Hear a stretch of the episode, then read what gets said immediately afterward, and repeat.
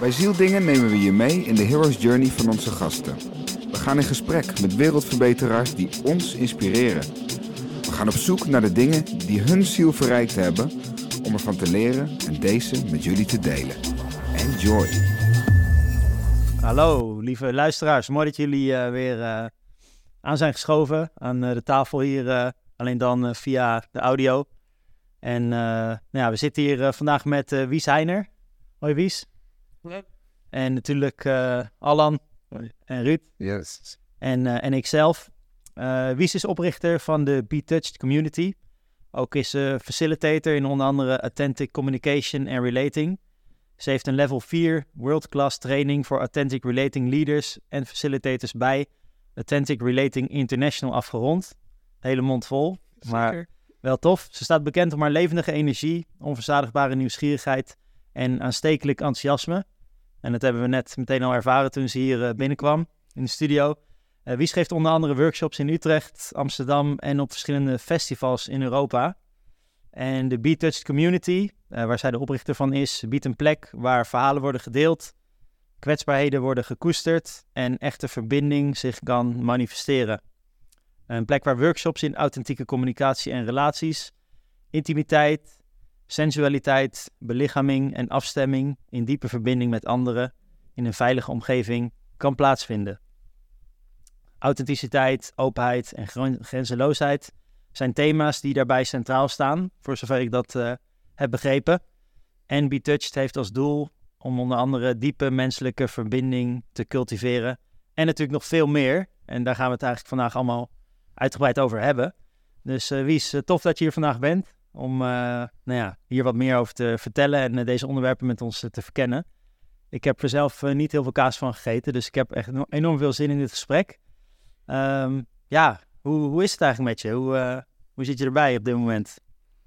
Ja, superleuk. Ik ben helemaal blij om hier te zijn. Leuk om een samenvatting over mezelf te horen van iemand anders. En over mijn bedrijf. Um, ja, ik heb heel veel zin om, om te vertellen waar ik, ja, van mijn passie waar ik gelukkig van word. Dus ik uh, ben heel benieuwd naar deze aflevering zelf ook. Oké, okay, mooi, mooi.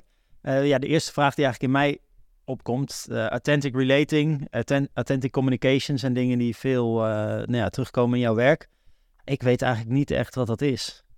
Dus zou je daar wat over kunnen vertellen? Wat is dat eigenlijk? Of waar moet ik dan aan denken? Zeker. Ja, authentic relating is inderdaad een vrij nieuwe, nog soms onbekende term. Waar ik voor het eerst een, nou, iets meer dan twee jaar geleden mee in aange ben gekomen. En bevat verschillende elementen van um, nou, bijvoorbeeld geweldloze communicatie, dingen uit het boeddhisme. Um, ja, op een authentieke manier met elkaar relateren. En dat um, gaat eigenlijk heel erg over het impliciete expliciet maken. Zorgen dat je gezien en gehoord wordt, dat je het over dezelfde context hebt. Uh, bewustzijn van aannames, patronen in jezelf. Gaat eigenlijk heel erg over verbinding met jezelf en weten wat er leeft in jezelf. En dat ook kunnen uiten en communiceren naar de ander. Uh, ja, waardoor er eigenlijk meer verbinding en intimiteit ontstaat uh, in de communicatie. En ik heb gemerkt dat dat uh, mij heel veel brengt, heeft gebracht in relaties met partners, mijn ouders. En ik merk ook ja, in de mensen die hier mee in aanraking komen, hoeveel ze eruit kunnen halen in hun relaties. En dat vind ik echt prachtig. Mm, Wauw, dat, dat klinkt inderdaad heel interessant. En wat is dan voor jou verbinding? Verbinding is voor mij enerzijds verbinding met jezelf. Dus echt uh, weten waar je bent, wat er leeft, misschien welke emoties er zijn. Dus ook uh, onderdeel daarvan is ook vertraging om nou, te kijken waar, waar ben ik eigenlijk en wat gebeurt er in mijn lijf. En het kunnen uiten bij de ander. En wat, nou, wat vaak lastig is, is kwetsbaar durven te zijn of durven te uiten wat er echt leeft of wat er echt speelt. Of uh, emoties durven en kunnen uiten. Uh, omdat we bang zijn voor oordeel, voor aannames van de ander. Of um, nou, er kunnen heel veel redenen zijn. Um, nou, misschien is je vroeger verteld dat je niet mag huilen, want je moet sterk zijn. Terwijl, ja, verdriet is gewoon een emotie, net zoals alle andere emoties. Dus uh, ja, ik vind dat we dat moeten vieren, want dat maakt ons mens. Mm. Klinkt wel herkenbaar dat je hoort van je vader van niet huilen. Ik weet niet, voor mij klinkt het heel herkenbaar. Ik weet niet, kijk even naar een andere man aan de tafel. Of, Bij mij niet, mocht wel huilen. Ja, heb je nooit gehoord van niet huilen? Denk ik niet. Oké. Okay. Nee, dat niet. Nee. Ja, Riet? Nou, nou, ik kan me wel herinneren dat ik als kind, als ik dan een keer moest huilen, dan hoor je, hoorde ik al wel heel snel van een oom, tante of mijn moeder bijvoorbeeld van eh, stil maar, stil maar, weet je wel. Dus goed bedoeld, maar stil maar is natuurlijk wel een soort suppressie van. Ja, ja. Dus mag het er zijn? Eigenlijk niet. Ja. Ondanks dat het goed bedoeld is. Ja. Nou, interessant. Ja, nou ja, voor mij ook heel herkenbaar dat, dat je dan van een van je ouders hoort van niet huilen. En ehm, ja, het, het brengt me ook op een vraag. Hoe, hoe ben je zelf erop gekomen om dit ooit te gaan doen, zeg maar? Wat was voor jou de trigger? nou, het is echt een best wel grappig verhaal, vind ik zelf. Ehm, een vriend van mij die ging naar de tweedaagse training en die zei tegen mij... Oh, dat vind ik echt wat voor jou. En ik was eigenlijk een beetje sceptisch. Het ging heel erg over verbinding en contact maken. En daar ben ik eigenlijk van mezelf redelijk goed in. Dus ik dacht, ja, wat, wat gaan zij me leren dan eigenlijk? Ehm, ga ik hier naartoe? En hij zei, nee, ik denk echt dat, je, dat, het, heel, ja, dat, dat heel waardevol is. Want ik, nou, oké, hij kent me. Ik ben ook wel gewoon nieuwsgierig. Eh, dus toen ben ik daarheen gegaan en het was echt een... Ja, ik vond het zo bijzonder wat er in twee dagen ja, gebeurt of kon gebeuren met een groep mensen. En hoe... Ik zag echt dat eh, er zoveel loskomen bij anderen. En ik kwam ook in contact met dingen van mezelf waarvan ik helemaal niet wist dat dat er was. En ehm, ik hoorde ook dat zij...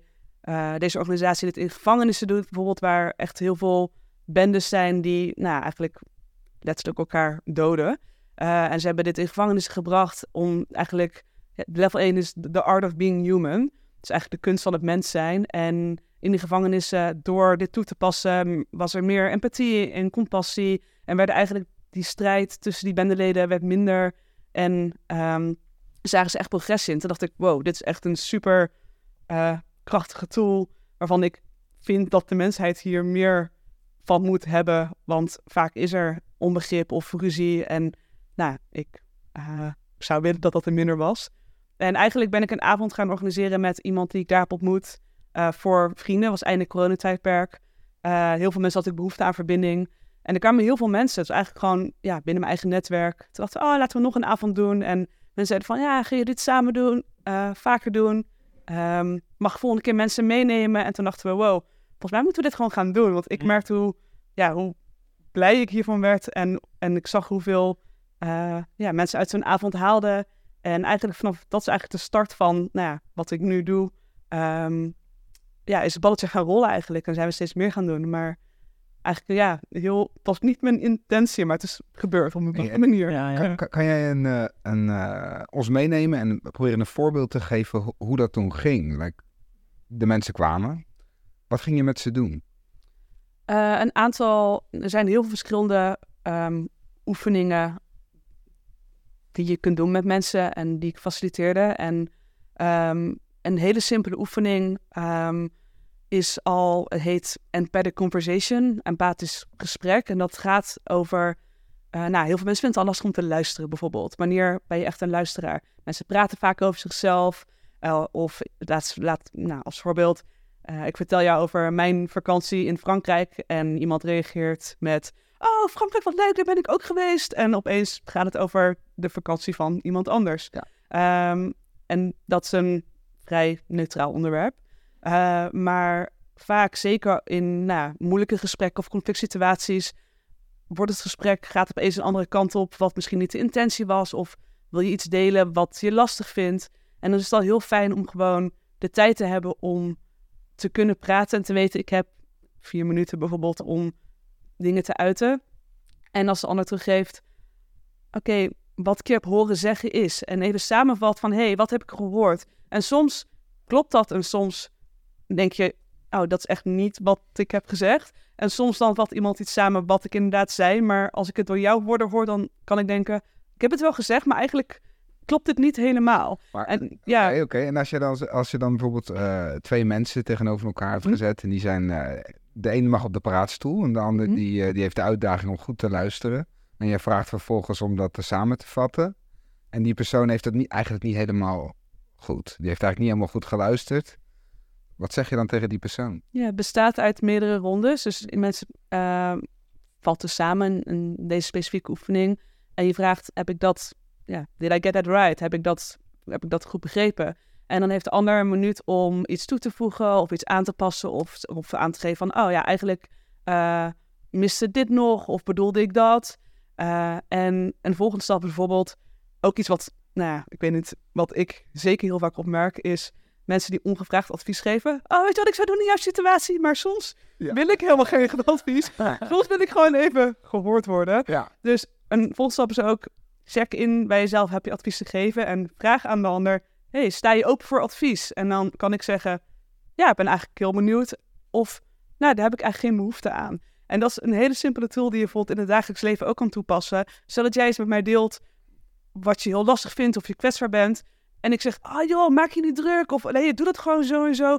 Misschien wil jij gewoon even met mij delen wat je lastig vindt. En heb je daar helemaal geen behoefte aan. En dat kan weer voor conflict zorgen, want ja, ik heb je toch niet om advies gevraagd. Terwijl als we leren om in te checken waar de ander behoefte aan heeft, advies, misschien gewoon een knuffel, misschien even delen hoe het was om jou te horen in uh, jou, ja, om naar je te luisteren en wat je moeilijk vindt, dan, dan zitten we op hetzelfde level. Want dan geef jij iets wat ik ook verlang of nodig heb, in plaats van dat ik misschien iets krijg of opeens omhelst word terwijl ik helemaal geen behoefte heb aan aanraking. Dus het gaat heel erg ook om inchecken met elkaar en leren dat toe te passen in een gesprek. En voor mij is dat super waardevol. Het, komt er mij ook een beetje over alsof je in één keer ziet wat er achter de schermen gebeurt bij de, de ander hè, eh, in de communicatie. Klopt. Ja, dat maakt het ineens inzichtelijk. Ja, zoals ik in het begin al zei, het gaat ook heel erg over het impliciete expliciet maken. Uh, dus dingen die misschien in de lucht hangen of die niet expliciet uitgesproken worden, uh, om die te benoemen of om een aanname te checken. Bijvoorbeeld, ik kan uh, jouw gezicht lezen en dat interpreteren als: oh, je bent geïrriteerd, maar ik heb vast iets fout gedaan. Misschien is dat me altijd verteld vroeger, van dat ik het weer niet goed deed. Of ik kan dat opmerken en zeggen: hey, ik heb de indruk dat je geïrriteerd met me bent. Klopt dat? En dan kun jij zeggen: ja, dat klopt. Of uh, en dat komt hierdoor. Of oh nee, ik heb een hele drukke dag gehad op werk bijvoorbeeld. Ik ben helemaal niet geïrriteerd. Uh, en het benoemen van dingen die je ziet in jezelf of in de ander. Ik bedoel, ik denk dat we allemaal wel de situatie kennen waarin er twee personen precies dezelfde uh, ervaring hebben op hetzelfde moment of dezelfde situatie zijn en iets compleet anders ervaren. Zeg maar, dat is, het is allemaal interpretatie gebaseerd op patronen, oude ervaringen, cultuur, opvoeding. En we denken misschien dat we hetzelfde ervaren, maar dat hoeft niet zo te zijn. Want uh, we kunnen iets compleet anders ervaren terwijl we hetzelfde zien, omdat het een interpretatie is. Dus als we leren om dat ook uit te spreken, dan hebben we ook dezelfde context en is dus al meer verbinding, want we praten over hetzelfde. En dat weet je niet altijd, dat denken we eigenlijk heel vaak. En soms klopt dat niet. Helder. Mm, Wauw. Hoe komt het dat we die social skills niet hebben, zo zeggen? Is dat dan gewoon door onze ouders, door de programmering? Die kunnen de schuld geven van uh, dat, dat ik dit allemaal, dat hele lijstje wat je net opnoemde, geweldloze communicatie, um, kwetsbaarheid, um, noem nog meer op. Eigenlijk een hele lijstje wat je opnoemde. Precies dat zoek ik, heb ik nodig. Herken ik van mezelf dat ik daar gewoon nog heel uh, onvolwassen in ben. En ik heb mezelf er ook echt uh, in tegengekomen de laatste tijd. Dus alles wat je opnoemt, denk ik van ja, yes. Ik wil het leren. Eerst daar een soort van logische volgorde in. Dat is mijn ene vraag. Andere vraag is, ja, door wie komt dat? Wie, wie, wie kan ik de schuld geven? ja. Nou, om met de laatste vraag te beginnen. Een van de vijf uh, principles waar authentic learning op gebaseerd is, is um, own your experience, taking responsibility. Dus wie kan ik de schuld geven? Mezelf. Nou, misschien moet je daarmee beginnen. Precies. Um, maar ik ben het wel met je eens. Ik vind, ik vind het eigenlijk heel raar dat we op school um, taal leren, leren rekenen, uh, dat soort uh, nou, vaardigheden, maar niet leren hoe we communiceren, hoe we ons openstellen, hoe we verbinden met anderen. En zeker, nou, ik denk met de komst van technologie en telefoon is dat ook een skill die we steeds meer verleren. Terwijl, ook nog. Ja, communicatie is eigenlijk het allerbelangrijkste voor verbinding, voor contact. Ja. Om, uh, nou, in, in relatie met ouders, vrienden, als je op een date gaat met een partner. Ja. En de meeste problemen komen omdat mensen niet echt met elkaar communiceren. Nee. Of uh, in het Engels is daar een hele mooie term voor, namelijk het verschil tussen to react en to respond. Dus vaak in conflict hebben we to react, wat heel erg vanuit de eerste emotionele reactie is de trigger. Terwijl als we leren om to respond, het woord zegt het al, responsibility. Dus de mogelijkheid om eh, te reageren vanuit misschien een, meer een plek van rust en bij jezelf te blijven. Dus je kan zeggen, ja, jij maakt me boos. Of ik kan zeggen, ja, als je dit dan merkt dat ik er heel erg boos van word. Of Ja. jij doet dit. Of eh, hey, ik merk als dit gebeurt dat ik, dat ik dat heel lastig vind en dat ik daar verdrietig van word. Dus Juist. en eh, je kunt een discussie met mij aangaan als ik zeg, ja, jij maakt me boos. En dan kun je zeggen, dat doe ik niet. Terwijl als ik zeg, hey, ik merk dat ik hier boos van word. Ja, daar is geen discussie over aan te gaan, want dat is mijn gevoel. En ja, waar je dat kan leren, ja, dat bij mij. Dus kom vooral langs. Zeker. Ehm, Ja, want ik probeer dan onderzoek te doen van ja, waar kan je die, al die verschillende skills leren? Dan ga je boeken opzoeken. Je gaat onderzoeken, oké, hier kan je geweldloze communicatie cursus doen. Of hier kan je een bepaalde therapie sessie doen. Je kan allemaal verschillende eh, manieren vinden om ehm, jezelf te leren kennen. En ook op een andere manier te leren communiceren. Of eh, meer de observer te zijn in plaats van de reactor. Dus ik vond het heel mooi dat je dat allemaal zo, eh, alles eigenlijk waar ik naar op zoek ben, op een rijtje zette. En ehm, ja, maar dan vraag ik me alsnog af van, ja, wij zijn een generatie eigenlijk die zonder telefoons is opgegroeid. De generatie onder ons die groeit dus op met telefoons. Dus daar hebben ze al minder, eh, kijken ze minder elkaar aan en zijn ze minder met elkaar bezig misschien. Het zegt aan onze generatie volgens mij om die skills door te geven door te ontwikkelen, te verspreiden. En de oudere generatie, als ik naar mijn ouders kijk, die, die hebben die skills gewoon nooit doorgegeven, nooit geleerd. Het speelt nog niet echt. Kwetsbaarheid is echt een, echt een ding, merk ik. Ik probeer nu vanuit kwetsbaarheid meer kwetsbaarheid op te zoeken en mezelf meer kwetsbaar op te stellen. Dus dan merk ik ook dat anderen om me heen zich meer kwetsbaar gaan opstellen. Daarin trigger ik ook meer mijn ouders, die ook enigszins soort van het aandurven om zichzelf een klein beetje kwetsbaar op te stellen. Ik merk dat er een soort van scheurtjes beginnen te komen in hun harnas of zo. Maar ja, onder mijn generatie merk ik wel dat iedereen er... Veel mensen zijn er wel mee bezig. Veel mensen zijn aan het openbreken. En het lijkt wel een soort van generatieverschil wel daarin. Merk je dat ook? Zoiets? Ik denk dat er zeker meer, steeds meer mensen bezig zijn met verbinding en persoonlijke ontwikkeling. Dat is zeker een trend die ik zie.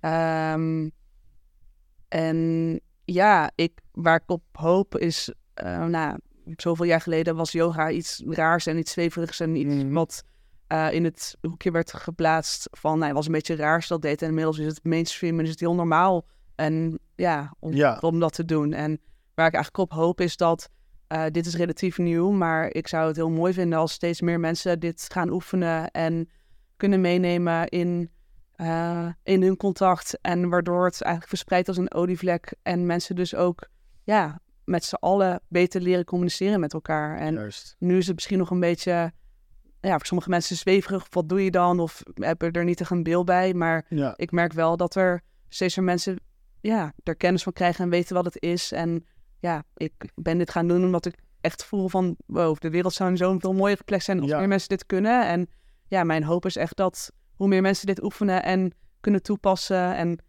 eh, dat het ook gebeurt. En dat vind ik ook mooi aan mijn werk. Want ik Ja. heb mensen die naar workshops komen... en die dan iets toepassen en die bijvoorbeeld weer terugkomen en zeggen van... wow, ik heb dit gedaan het heeft me... Ik had opeens zo'n mooi gesprek met mijn ouders. Zo'n mooi gesprek heb ik nog nooit gehad. Dan Ja. denk ik, oh, ja, wat fijn. Eh, en ik denk, nou ja, ik, toevallig geef ik deze week en de komende week eh, ga ik dit geven als op de Vrije Hogeschool voor studenten die een tussenjaar hebben. Eh, en ik hoop echt dat steeds meer mensen dit gewoon vanaf jonge leeftijd doen. Dat het normaal wordt om dit te oefenen en niet een soort van, nou, het terugwerkende kracht tussen aanhalingstekens. Maar Ja. ik denk echt hoe eerder je dit leert, hoe, hoe beter. Ja. Ja. Want zijn er voorbeelden te noemen waar het wel al vanuit jongs af aan of wat bepaalde scholen gegeven wordt in deze context? Zijn er voorbeelden van? durf ik niet te zeggen. Ik weet het niet. Maar ik merk wel dat er steeds meer behoefte aan is. En Ja, in Utrecht heb je bijvoorbeeld van de eh, Universiteit Utrecht heb je de Wellbeing Week. En ook dit jaar heb ik daar voor studenten een workshop gegeven. Nou, het zijn allemaal mensen die net gaan ehm, studeren, jonge mensen. En eh, die ook zeggen van wow, dit wat fijn. En het is ook gewoon eh, Ja. een hele, hoe zeg je dat? In bepaalde oefeningen, soms dan kom je op een bepaald maat van diepgang of leer echt een korte tijd iemand eigenlijk heb het gevoel dat je iemand heel snel kent. Hm. En ik heb echt mensen ook op een workshop gehad die zeiden van... Wow, zo'n gesprek heb ik zelf nog nooit met een, met een vriend gehad. En, en dan denk ik, ja, als je dat weer gaat toepassen en daar mensen ook gaat vertellen... die dan ook weer... Heel veel mensen, ik besta, bestaan pas net, maar horen van ons via via... van, oh, je moet dit een keer proberen. En ik denk gewoon, nu meer mensen dit gaan doen... en dus met elkaar eh, ook thuis oefenen of met vrienden oefenen... of een relatie oefenen, hoe... eh, ja, meer mensen er meer in aanraking komen. En ja, ik hoop gewoon dat het over een tijd normaal is om dit te oefenen. Ja, dat is wel echt mijn doel.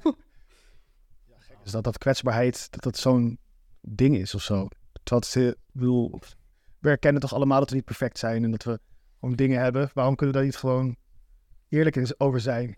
Ja, het is, dat is wel mooi wat je zegt. Je hebt het over kwetsbaarheid. Maar ik, ehm, wat ik je ook hoor zeggen is ook gewoon eigenlijk best wel dat de basisskills van communicatie best wel, ehm, ja, hoe, hoe zou ik het zeggen, verloederd zijn. Eh, althans, wat ik zelf merk, ik, ik vind dat best wel veel mensen slecht kunnen luisteren. Ze vallen je in de reden. Eh, zoals je net al een mooi voorbeeld gaf, dat in één keer hun eigen associaat, eh, associatieve denkvermogen in één keer in de weg zit, waardoor ze in één keer het hele gesprek naar zichzelf toetrekken. Dat ze denken dat ze luisteren, maar ze luisteren eigenlijk niet, waardoor ze het ook niet helemaal goed parafraseren. Of ze in plaats van te luisteren en een luisterend oor te bieden, gaan ze in de oplossingsgerichtstand staan. Ehm, er zijn best wel veel, veel elementen van gewoon goed en gezond communiceren die steeds zeldzamer lijken te worden. En ik, kan me ook inderdaad voorstellen dat, de jongere generaties, dat voor hun super belangrijk is, omdat ja, ik denk schermtijd en dat soort zaken is iets wat alleen maar toeneemt. Dus ehm, dat is in ieder geval mijn associatie bij wat ik hier, eh, wat ik hier langs hoor komen ook. Ja, ik denk dat schermtijd en, nou, dat merk ik zelf ook. Gewoon in gesprek of telefoon die afgaat en afgeleid worden. Dus uh, de aandachtspannen wordt sowieso korter. Ehm, ik bedoel, daar ben ik zelf ook schuldig aan in afleiding van telefoon. Dat is ook de reden waarom ik het heel fijn vind om bijvoorbeeld een after workshop te, te geven. Want dan ben ik gewoon vier uur lang in contact met mensen en niet op mijn telefoon bijvoorbeeld. Ehm, en, eh, en ik denk om te kunnen, hoe zeg je dat, communiceren en verwoorden kwetsbaarheid of wat er in je, nou, ja, in je lijf of in je inner world gebeurt, moet je daar eerst mee in contact staan. En ik kom zelf uit een familie, eh, ik ben super nuchter opgevoed en eigenlijk helemaal niet, was ik niet echt in contact met mijn lijf en mijn emoties. Dus dat is echt mijn persoonlijke reis geweest om echt ook überhaupt te voelen wat er gebeurt. En eh, nou, het is best wel makkelijk om, om gevoelens van blijdschap en, en de, nou, tussen aanhalingstekens positieve emoties te, te laten zijn. Maar verdriet of rouw of boosheid zijn vaak emoties die we niet willen voelen of niet durven te uiten. En eh, stap 1 is überhaupt om dat bij jezelf te voelen. En zeker ook, nou, ook deels telefoongebruik, maar ik ken het van mezelf ook van vroeger iets anders gaan doen, afleiding zoeken, een drankje gaan drinken. Ah, ga even dit doen met vrienden, want dan voel ik niet wat er is. Want dat is eigenlijk heel makkelijk. Want, nou, zoals ik in ieder geval werkte, ja, dan is het er ook niet, wat natuurlijk niet echt waar is. Maar zo ervaarde ik dat. Terwijl, ja, stap 1 is überhaupt om te kunnen zitten met, oh, ik voel me verdrietig, kan ik er dat helemaal laten zijn? Of ik ben echt super boos, mag ik die boosheid er laten zijn en kan ik daarmee in contact komen? Of duw ik dat weg en ga ik me focussen of op iets anders, mijn telefoon, mijn vrienden, en ben ik dan niet meer boos? Ja, dat, eh, dus überhaupt, ja, communiceren gaat voor mij ook heel erg over de verbinding met jezelf en leren te voelen wat er is en gebeurt. En dat is voor mij ook een hele grote reis geweest met waar ik vandaar kom, waar ik dat eigenlijk zelf helemaal niet kon.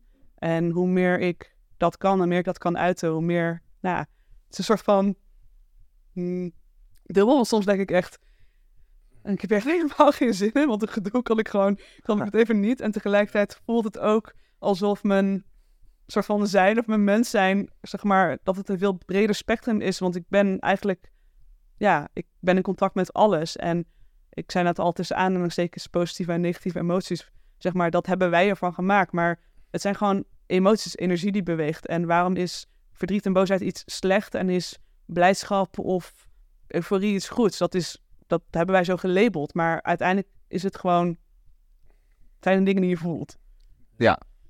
Duidelijk. En ehm, welke rol eh, volgens eh, jou, volgens het systeem waar je les in geeft, of hoe noem ik het, filosofie, systeem, ik weet het niet, maar welke rol heeft het lichaam? Ik denk dat heel veel begint bij het lichaam. Eh, in contact zijn met je lijf, beweging, vertraging, ademhaling.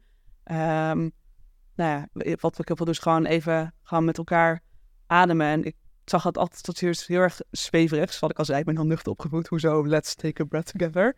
um, waarom? Toch al de hele dag. Um, precies. En inmiddels denk ik, oh ja, weet ik, oh, maar de ademhaling is een tool die ik gebruikt kan worden om echt het zenuwstelsel te reguleren.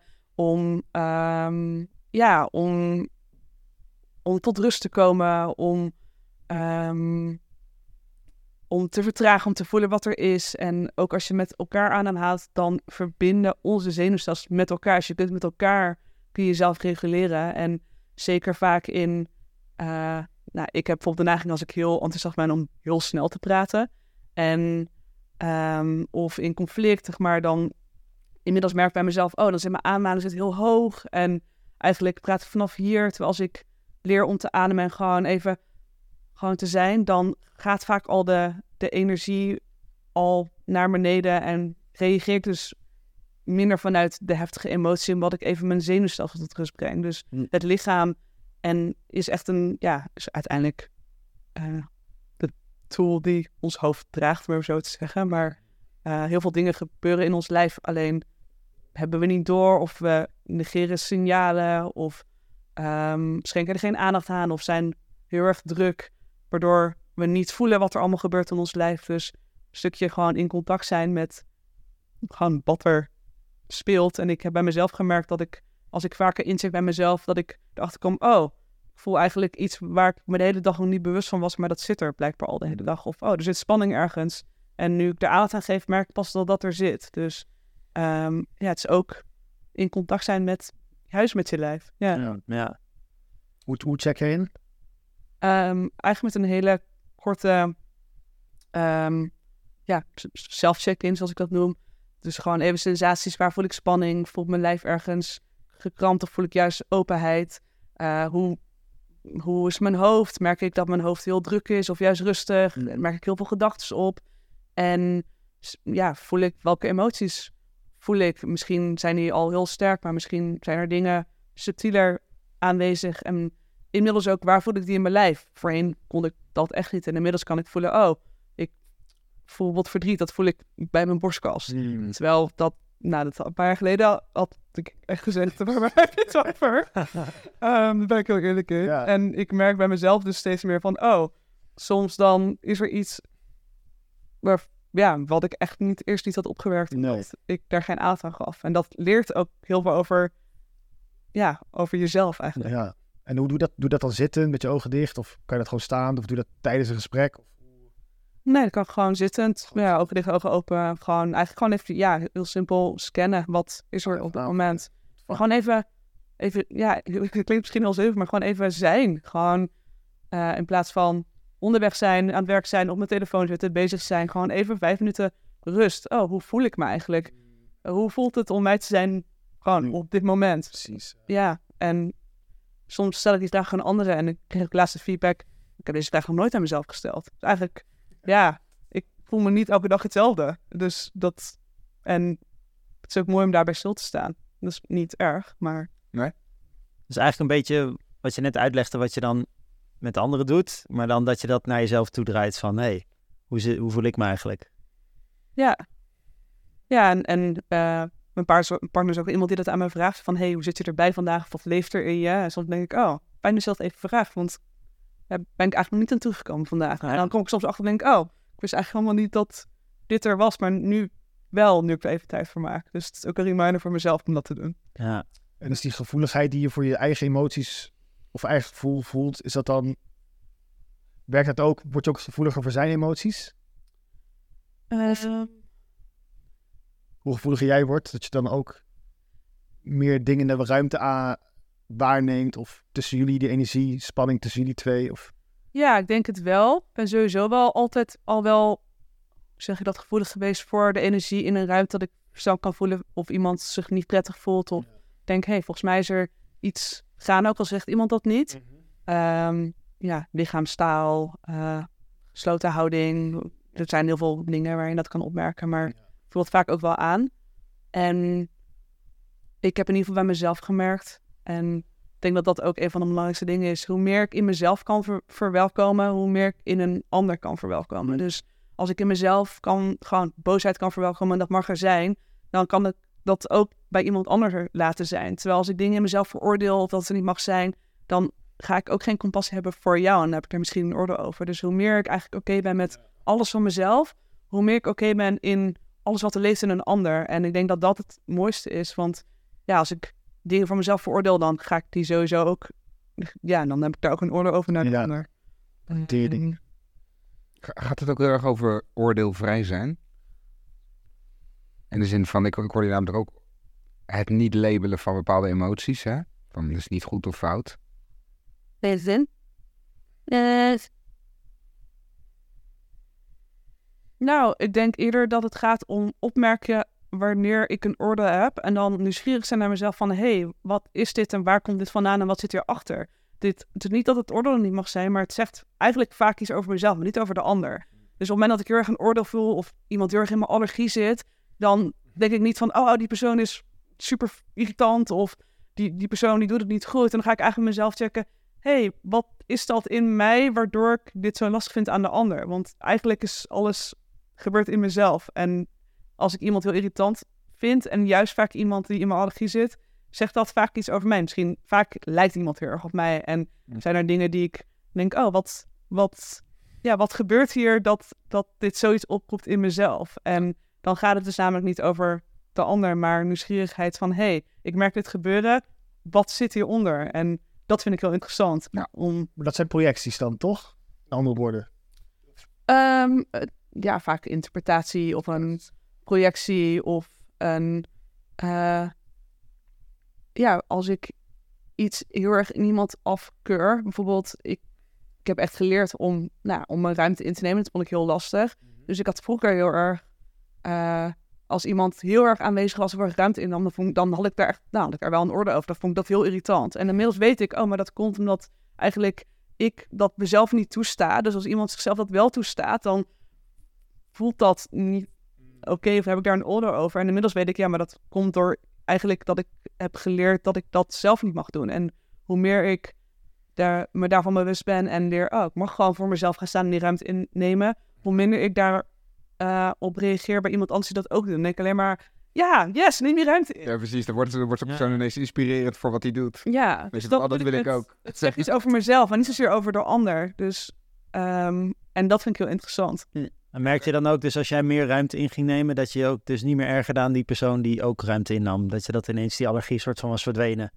Omdat je Ja, zelf denk ik, oh, wat, wow, deze persoon staat er voor zichzelf en die is gewoon eh, zichzelf zoals die wil zijn. Wat mooi, eigenlijk. Ja. ja. Dus is er dan een deel in jou wat dan opnieuw is, wat is geopend of wat is gaan stromen, waardoor dat eigenlijk geen, geen opstopping meer is of zo? Of, Nou, ik heb wel ge- geleerd in, in hoe meer ik gewoon achter mezelf kan staan en gewoon, dit is wie ik ben. En nou ja, dat mogen mensen lastig vinden, dat is hun proces. En dat, maar daar hoef ik niks mee.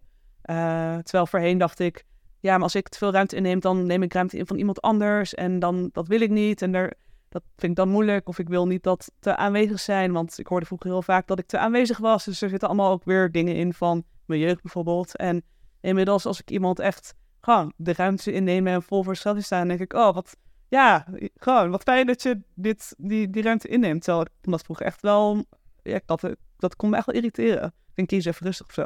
ja, ja, ja, ja. Doe gewoon niet. Ja, ja wauw. Het klinkt wel dan ook als een manier om jezelf te bevrijden van bepaalde dingen. Want ergens is het natuurlijk best wel vervelend als je de hele tijd of gefrustreerd wordt of getriggerd bent door bepaalde dingen. En toch dus, als je daar dan vrij van bent ineens, dan... Zeker. En ik denk ook dat dat eh, nou, een deel is van dit werk, is ook bewust worden van eh, een realiteit die misschien niet meer reëel is, of patronen, of, of dingen die, eh, overtuigingen die je hebt van vroeger. En dat bedoel ik net ook met aannames checken. Op het moment dat ik aannames check en ik kom er elke keer achter, oh, dat klopt niet meer, dan kan ik ook die patronen loslaten. Dus als ik eigenlijk altijd in mijn hoofd, als iemand geïrriteerd is mijn interpretatie daarvan. Dan heb ik iets fout gedaan. Ik doe het weer niet goed. En ehm, ja, ik ben niks waard. Om even een voorbeeld te geven. Terwijl als ik eh, dat check en ik kom erachter, oh, eigenlijk heeft dat niks met mij te maken, dan kan ik dat ook soort van herschrijven en loslaten. En heel veel dingen zijn soort van ingebakken in ons systeem, omdat ja, dat gewoon is hoe het ons altijd is verteld. Als jij je hele jeugd bent verteld dat je niks waar bent, dan ga je dat geloven. Terwijl dat is niet waar, maar dat is wel jouw waarheid op dat moment. Hm. Het, het, het, het loslaten van bepaalde programmaatjes of die eh, te herschrijven, dat, mhm. wat jij doet ligt volgens mij ook heel dicht aan tegen een eh, nou, bijna therapeutisch proce- proces. Ligt, er- ligt een beetje tegenaan. Dat vind ik lastig, want ik ben geen therapeut, dat wil ik ook niet zo zeggen. Maar ik kan alleen zeggen dat ik wel merk dat mensen er echt wat aan hebben in hun leven. Of eh, ja, opeens gesprekken hebben die ze nooit hebben kunnen voeren, omdat ze bijvoorbeeld alleen al bij zichzelf kunnen blijven. Dus ik kan mijn ouders voor alles kwalijk nemen en dan wordt het mond uit een ruzie. Of ik kan aangeven van, hé, hey, ik merk dat ik het heel lastig vind dat dit gebeurt en dat ik dit, dit in me oproept. Eh, in plaats van een verwijt naar mijn ouders, wat vaak nou ja, voor conflict zorgt. Dus het überhaupt leren om jezelf te uiten en bij jezelf te blijven, dat zet wel weer allemaal dingen in gang. Ja, persoonlijke groei dan. Persoonlijke groei, Ja. ja. Ja. Ja, Oké. Ja, dat denk ik wel. Dat is mooi. Ja. Ja, want wat, wat is het voornaamste waarom mensen bij jou of bij jullie komen? Is dat, eh, zijn ze tegen iets aangelopen? Willen ze iets leren, iets specifieks? Of is het, komen ze gewoon een soort van random langs? Hoe werkt dat? of is het, eh, ja, ja, vraag ik me af.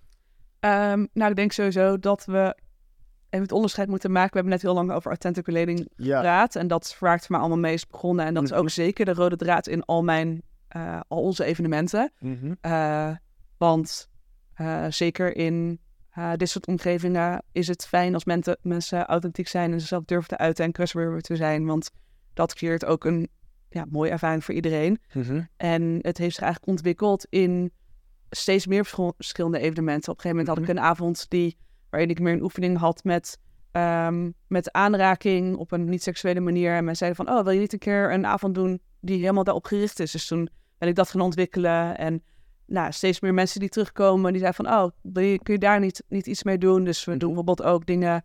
ehm, nou, ik heb vanaf morgen een hele series voor koppels, voor, voor partners die eh, tegen dingen aanlopen in een relatie. Omdat mensen zeiden van, nou, eigenlijk zou ik het gewoon fijn vinden om met mijn partner te oefenen. Mhm. Ehm, dingen rondom, ehm, nou, misschien meer beweging, body, eh, sensualiteit, conscious kink, zeg maar. Er zijn eigenlijk alles draagt, draait om verbinding, Kortjes, Eh, kortjes. kink, ja, sexuality, ja. Oké. Eh, en dat heeft zich eigenlijk ontwikkeld in het ja, ontwikkelen van meer workshops, maar ook het samenwerken met mensen die bij ons wat komen geven of waarmee ik co-creëer. Dus we hebben bijvoorbeeld een hele eh shibari-cursus gedaan. Voor degene dat niet kennen, het soort van Japanse bondage knoopkunst. En heel vaak is, een, is zo'n cursus is heel gericht op de techniek. Hoe maak ik de juiste knoop? Hoe zorg ik ervoor dat, iemand, dat ik iemand kan vastmaken? Maar ik vind het super interessant hoe kun je dat doen in verbinding en kun je communiceren met elkaar terwijl je dat doet. Dus onze reeks is eh, altijd een combinatie van Shibari en Authentic Relating, waarin je dus ook mensen leert om ja, niet alleen de verbinding te maken met als instrument het touw, maar ook hoe, eh, wat gebeurt er in mijn lijf? Hoe kan ik dat uiten? Eh, wat merk ik op in sensaties, in emoties, in energie? En dus het is zeker de rode draad. En eigenlijk, de, om jouw vraag te beantwoorden, de mensen die op ons afkomen, dat is afhankelijk van waar ze naar op zoek zijn. Sommige mensen zijn meer op zoek naar dingen die meer gaan over het lichaam en minder praten. Andere mensen willen juist meer mind communiceren of meer leren over hechting. Eh, andere mensen zijn heel erg op zoek naar het ontwikkelen van ehm, seksualiteit. Misschien daar dingen over eh, leren. En we hadden laatst een workshop die ging over hoe speel je met kaarsvet. Een hele educatieve workshop, maar wel ja, als je dat niet weet, als je thuis gaat oefenen, bedoel, je kunt jezelf branden, je kunt brandwonden krijgen. Dus hoe mensen die dat interessant vinden, die kunnen ja, ook dat leren en dat thuis weer toepassen in nou, hun eigen setting. Maar heel veel content is, ja, waar leer je dat? Ja. Moet het gaan doen, maar ik, ik wil het, dat ook dat taboe doorbreken, dat, ja, dat het ook een beetje de, ja, dat je gewoon kan leren hoe dat moet en dat weer kan, ja, kan doen.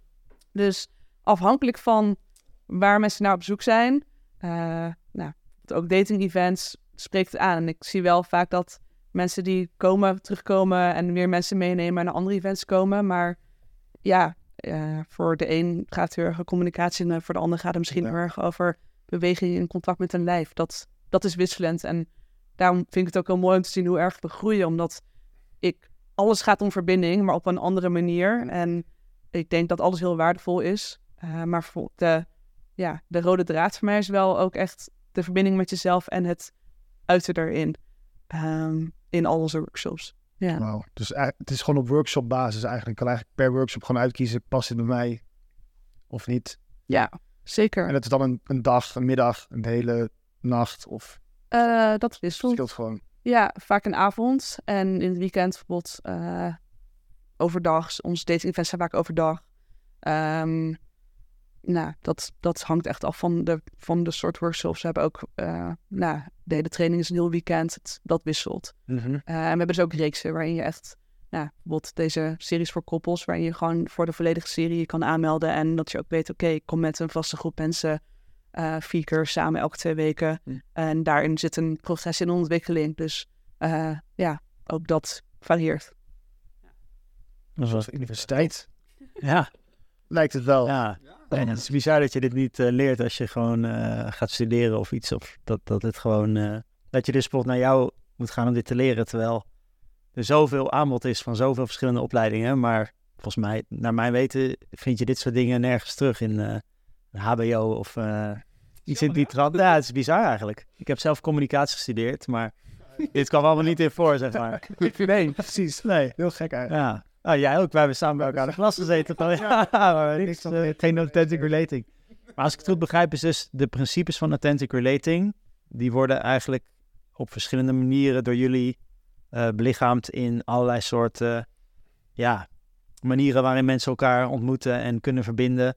Inclusief dingen met taboes of, of seksualiteit of dingen die al beladen zijn. Waarin juist kan ik me voorstellen dat die communicatie mega belangrijk is. Extra belangrijk. En misschien ook wel extra veel dingen kan doorbreken. In jezelf en in koppels. Zou je een voorbeeld kunnen geven van waar koppels bijvoorbeeld vaak mee worstelen? Of waar ze mee komen bij jou? Of... Um, zeker. Um, nou, ik denk... Uh, ik begeleid op dit moment ook een koppel als, als coach. Uh, en daar geef ik... Dat, dat doe ik online ook. Uh, en die, ja, die hebben we echt om hulp gevraagd. Van we lopen echt tegen dingen aan en we zoeken een onafhankelijke persoon die ons ja, tools kan leren om hiermee om te gaan. En um, wat ik denk het meeste gebeurt, nou, wat ik zie is één niet herkennen wanneer je op het punt bent van, oh, ik, ik ga over, nou, een soort van, in mijn optiek, vaak een randje tussen, oké, ik merk dat ik, dat ik heel erg getriggerd raak en ik zit in deze super emotionele, uh, nou, staat en kan eigenlijk niet meer op een heldere manier reageren. Dus het gaat ook heel erg om het leren herkennen. Kan ik nog nou, dat voorkomen? Uh, zie ik dat bij de ander gebeuren? Uh, en kunnen we misschien dit gesprek even stopzetten en op een ander moment voortzetten? Uh, en nou ja, leren wat de ander nodig heeft en vanuit, echt vanuit jezelf praten. Dus um, en daar gaat het vaak mis, zeker in conflict, dat mensen op elkaar, eigenlijk heel snel op elkaar reageren, elkaar niet uit laten praten. Uh, nou, ik, ik zeg, iemand zegt dus van ja, je hebt, nou, zeg bijvoorbeeld, je hebt de afwas niet gedaan. En dan zeg ik, ja, maar ik wil, stel je niet zo aan, ik wilde dat gewoon doen en er is ook niks aan de hand. En dan bij spreken is er een hmm. ruzie. Terwijl als ik gewoon aangeef van, hé, hey, ik had erop gerekend dat dit zou zijn gebeurd en ik merk dat ik het last vind dat het niet is gedaan. En kunnen we daar gesprek over hebben? Heel simpel voorbeeld is er, het is dan heel anders. En vaak, zeker in gesprekken, mensen reageren op elkaar te snel. En opeens zit je, allebei ben je boos of verdrietig of gefrustreerd. En zit je in een bepaalde staat van zijn. En denk, nou, dat zie ik heel vaak. Hoe zijn we hier nou weer teruggekomen? Ja, En de kunst is om, zeg maar, om daar niet te komen, één. En dus ook te leren herkennen uh, als het die kant op gaat. En dat is ook iets wat ik echt mezelf heb moeten aanleren. Van, oh, ik merk dat dit gebeurt. Oké, eh, bijvoorbeeld ik heb even een moment voor mezelf nodig, moet even mezelf reguleren en dan kan ik weer in gesprek. Want niemand heeft wat aan als twee mensen eh, ja, in die staat van zijn komen, want dan ga je er niet meer uitkomen. En dat zorgt alleen maar voor heel veel pijn en verdriet. Ehm, dus ik denk dat de voornaamste kunst, kunst is om, eh, om dat toe te passen. En dat kan al heel simpel zijn door gewoon te zeggen: hey, jij krijgt vijf minuten om te praten en ik geef even terug wat ik je heb horen zeggen. En dan voel ik me gezien en gehoord. En dan wissel je om. En dan hoef je nog steeds niet eens te zijn, maar vaak gewoon even je verhaal kunnen doen. En dat de ander echt luistert en dus niet reageert, maar gewoon: hey, je zegt dit en dit en dit en dit. Oh, je hoort wat ik zeg. Is vaak al, helpt al heel veel om de energie eruit te halen. En dan kun je nog steeds niet eens zijn, maar dan is er ook geen conflict. Hm. En ehm, ja, ik merk bij mezelf dat dat heel erg kan helpen. Gewoon even de tijd krijgen om überhaupt mijn verhaal te doen. Wat vaak al niet gebeurt, want ik zeg iets wat ik lastig vind en iemand gaat gelijk in de verdediging. Ja, maar kun je gewoon even naar me luisteren? Ja. Ja. Zet je dan de timer gewoon, Ja. stopwatch gewoon. Zeker. En de ander mag niks, eh, niet in de reden vallen. Die is gewoon even helemaal... Gewoon, kun je even, echt even naar me luisteren. Ja. En niet me onderbreken, niet met eh, eh, jouw verhaal komen. Of het was niet de bedoeling, ja, dat geloof ik. Maar dit roept het wel me op. Kun je gewoon even horen wat ik lastig vind. Is dat dan een manier om die dynamiek zeg maar, te doorbreken? Dynamiek van reageren, emotie, pap, pap. Een soort van bijna emotioneel boksen met elkaar. Ja. Ja, vaak willen mensen gelijk krijgen. Is ook een ego-dingetje. Terwijl uiteindelijk geloof ik erin dat het niet gaat om gelijk krijgen. Het gaat over de overkoepeling in de relatie. Je wil uiteindelijk allebei een, op een fijne manier met elkaar in contact zijn. Volgens mij is dat belangrijker dan gelijk krijgen. Dat vind ik persoonlijk. Eh, maar ik kan het wel niet met je eens zijn. En ik, ja, soms gebeurt iets wat ik super moeilijk vind. En dan, ja, dat kan. Ik bedoel, ik snap wel dat het niet je bedoeling was om me te kwetsen. Maar daar ga ik vanuit. Want als dat de bedoeling was, dan hadden we hebben een ander probleem. Ja. Maar het is wel gebeurd. En ik vind het wel lastig. Kun je me gewoon even horen in dat ik dit heel moeilijk vind. En in plaats van een discussie of een met redenen aankomen waarom iets is gebeurd wat het niet de bedoeling was. Ja, maar. Ja, maar precies. Ja, maar inderdaad. dat geloof ik wel. Maar hoor je wat ik zeg? Ja, vaak niet. Want mensen zitten in hun eigen reactieve staat. Ja. Ja. Ja. Daar gaat het vaak mis. Dat zie ik in ieder geval vaak gebeuren. Ja. Herkenbaar. Ja, herkenbaar. Ja, ik, zoals ik luister, hoor en zie ik mezelf dit ook wel echt regelmatig doen. Gewoon bekend dat ik schuldig ben. Maar ook heel erg geïnteresseerd in eh, vooral die... Je noemde al even een time-out of een pauze. Hoe, hoe ziet dat eruit dan? Stel dat ik, dat, eh, dat ik in een discussie zit met mijn partner en ineens eh, voel ik van... Oh, de gemoederen lopen te hoog op. Ja, ik weet niet. Hoe, hoe... Dus ik voel me helemaal emotioneel, ik ben getriggerd en ik zit alleen maar naar haar de schuld te geven bijvoorbeeld. Of ik voel me schuldig dat, dat ik iets heb gedaan. Wat, wat is dan een manier om die angel, als het ware, die eerste angel eruit te trekken bij mezelf? Of hoe, hoe stop ik die trein? Want het voelt dan soms echt als een soort trein die gewoon helemaal op gang is gekomen en die gewoon niet meer stopt, bij wijze van spreken. Heb je daar tips voor of zo? Of? Ehm, ja, nou, je zou bijvoorbeeld kunnen zeggen van... hey, ik, ik wil heel graag hier uitkomen en weet je, dit is heel belangrijk voor me. Ik hou van je en ik merk dat ik op dit moment even niet kan, want ik raak heel erg getriggerd. En dat is volgens mij niet de juiste staat om het gesprek te voeren. Kunnen we even een 10 minuten pauze nemen en over 10 minuten elkaar hier weer vinden? En gewoon even uit contact gaan en, en gewoon even misschien een rondje gaan lopen of jezelf reguleren. Om vervolgens weer af te spreken. Oké, we zien elkaar over 10 minuten weer. Of gewoon, kunnen we gewoon even pauzeren en even samen, samen drie keer ademhalen. Om gewoon even de energie te laten zakken. En dat voelt misschien heel gek, maar dat kan echt heel erg helpen. Gewoon, hé, hey, ik, wil heel graag met je verbinding zijn en het lukt me nu even niet. Maar, en om het wel te laten lukken, heb ik het nodig om wat voor jou werkt. Dat is voor iedereen anders. Ja. Eh, en ik bedoel, ik kan dat wel moeilijk vinden, maar ik, als ik hoor, uiteindelijk is het, nou ja, voor de relatie of the greater good. Dus eh, oké, neem even je pauze en dan laten we kijken of we over tien minuten Ja. terug kunnen komen. En dat zelf reguleren, dat zou dan zijn een wandelingetje maken of even ademen of gewoon even... Ah, ja, dat voor iedereen anders. eh, Ja. Dingen opschrijven. ehm, even iets misschien ventileren in een voorschrift naar jezelf, naar de ander. Ik heb bijvoorbeeld, ik, ik vind het heel fijn om gewoon even dingen eruit te gooien en, en ongenuanceerd te kunnen ventileren. En, en dat naar iemand anders of soms gewoon naar mezelf. En dan is dat eruit. En dan, oh, oké, eigenlijk was dat even nodig. En nu kan ik alweer gewoon normaal voelen. Ja, ja. Ja. ja. En soms, sommige mensen hebben nodig om gewoon even naar buiten te gaan of even een kop thee te zetten of gewoon even, Ja. twee minuten te ademen. I don't know, dat is voor iedereen anders. Ja. Mooi, ja, nee, interessant. Ja, dat, dat pauze nemen, dat, of pauze, een soort van even dat stopzetten, dat... eh, ik heb wel een paar keer dan ervaring daarmee, dat helpt wel echt goed. Alleen soms vroeg ik me ook wel eens af van, zijn er bijvoorbeeld, ik ga wel eens naar buiten dan, of gewoon even inderdaad een kopje thee zetten of iets in die trant, en dat helpt vaak wel. Maar ik vroeg me dan wel af, zijn er ook dingen die misschien nog veel effectiever zouden kunnen werken, die ik dan eigenlijk niet echt doe? Ademen is misschien heel voor de hand liggend, maar Ik denk dat het belangrijkste, of het meest effectieve is, is ervoor te zorgen dat je er niet komt. En vaak is er één persoon die, nou, meer getriggerd is dan de ander. Dat gaat niet altijd gelijk op. En de kunst is ook om dat in elkaar te herkennen. Dus stel dat ik, stel als, als jij in die staat van zijn komt en eh, jij gaat bijvoorbeeld, je lichaamstaal wordt anders en of je gaat veel sneller praten of je stem wordt veel hoger. Of, nou, er kunnen allerlei manieren zijn. Ik denk, oh, dat gaat, dan kan ik ook zeggen, hé, hey, volgens mij gebeurt dit. Laten we even pauzeren, want misschien kun je dat zelf niet meer.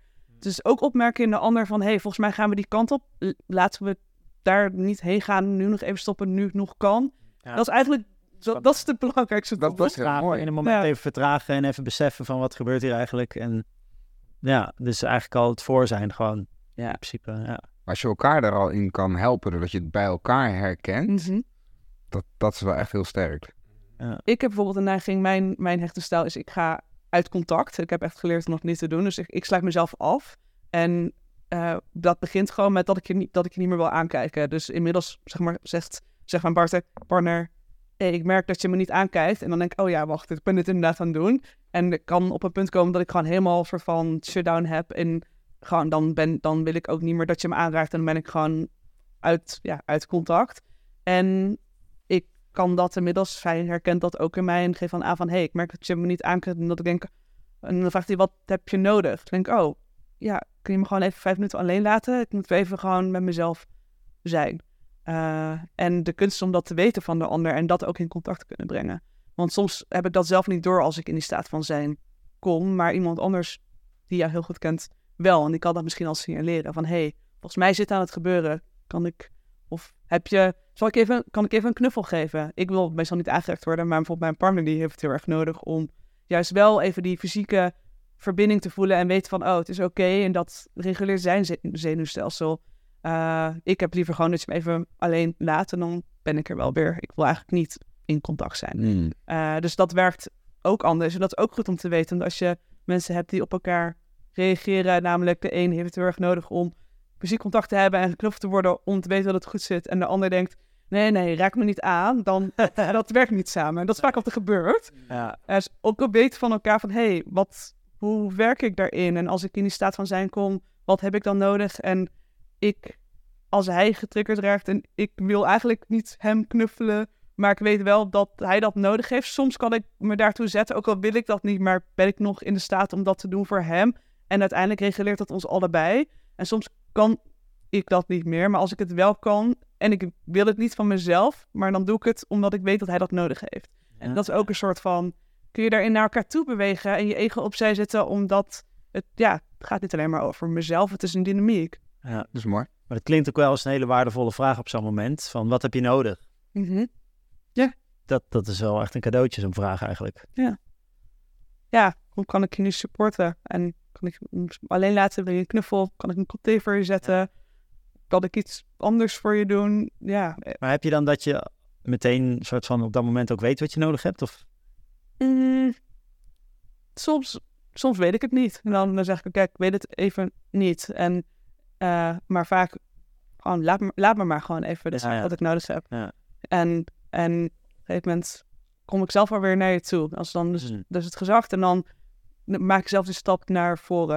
Ik heb het vooral niet nodig dat je de hele tijd probeert iets voor mij te doen, want dan doe ik drie stappen achteruit. Nee, nee gewoon, ik heb ruimte nodig. En dat, nou, weet, weten wij inmiddels van elkaar. Dus dat is super waardevol. Want anders ben je zo van dan van doen. Oh, maar ik wil je helpen. En ik doe een stap achteruit. En dan ben je zo van achter elkaar. Dat, dat werkt niet. ja, dan blijft het maar doorgaan, eh, urenlang. eh. Ja.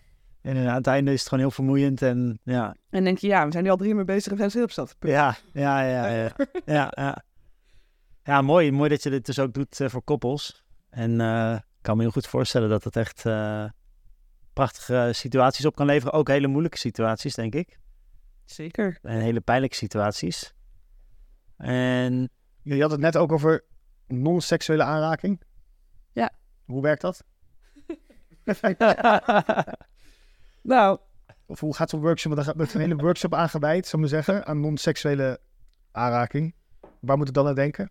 ehm, Wat doen jullie dan? Van, wat gaan we doen? ja, het, zijn workshops in bewuste aanraking. En ik heb nou, het geluk of ik ben gezegend met een vriendengroep die heel erg fysiek is. Ik hou heel erg van knuffel van mezelf. Ik ben ook heel erg aanraken voor mezelf. Hmm. Ik heb zelf moeten aan- aanleren om niet iedereen zomaar aan te raken, want niet iedereen wil dat. Maar eh, dat is wel mijn natuur. Gewoon, ik hou van contact op die manier. Ja. Ehm, dus ik heb dat, maar ik ben er ook achter gekomen dat er heel veel mensen zijn die niet eh, op die manier eh, met hun vrienden knuffelen. Of die nou, zeggen, ja, ik word eigenlijk alleen maar aangeraakt als ik bijvoorbeeld, dan moet ik een massage boeken, maar dat is niet het soort aanraking waar ik naar op zoek ben.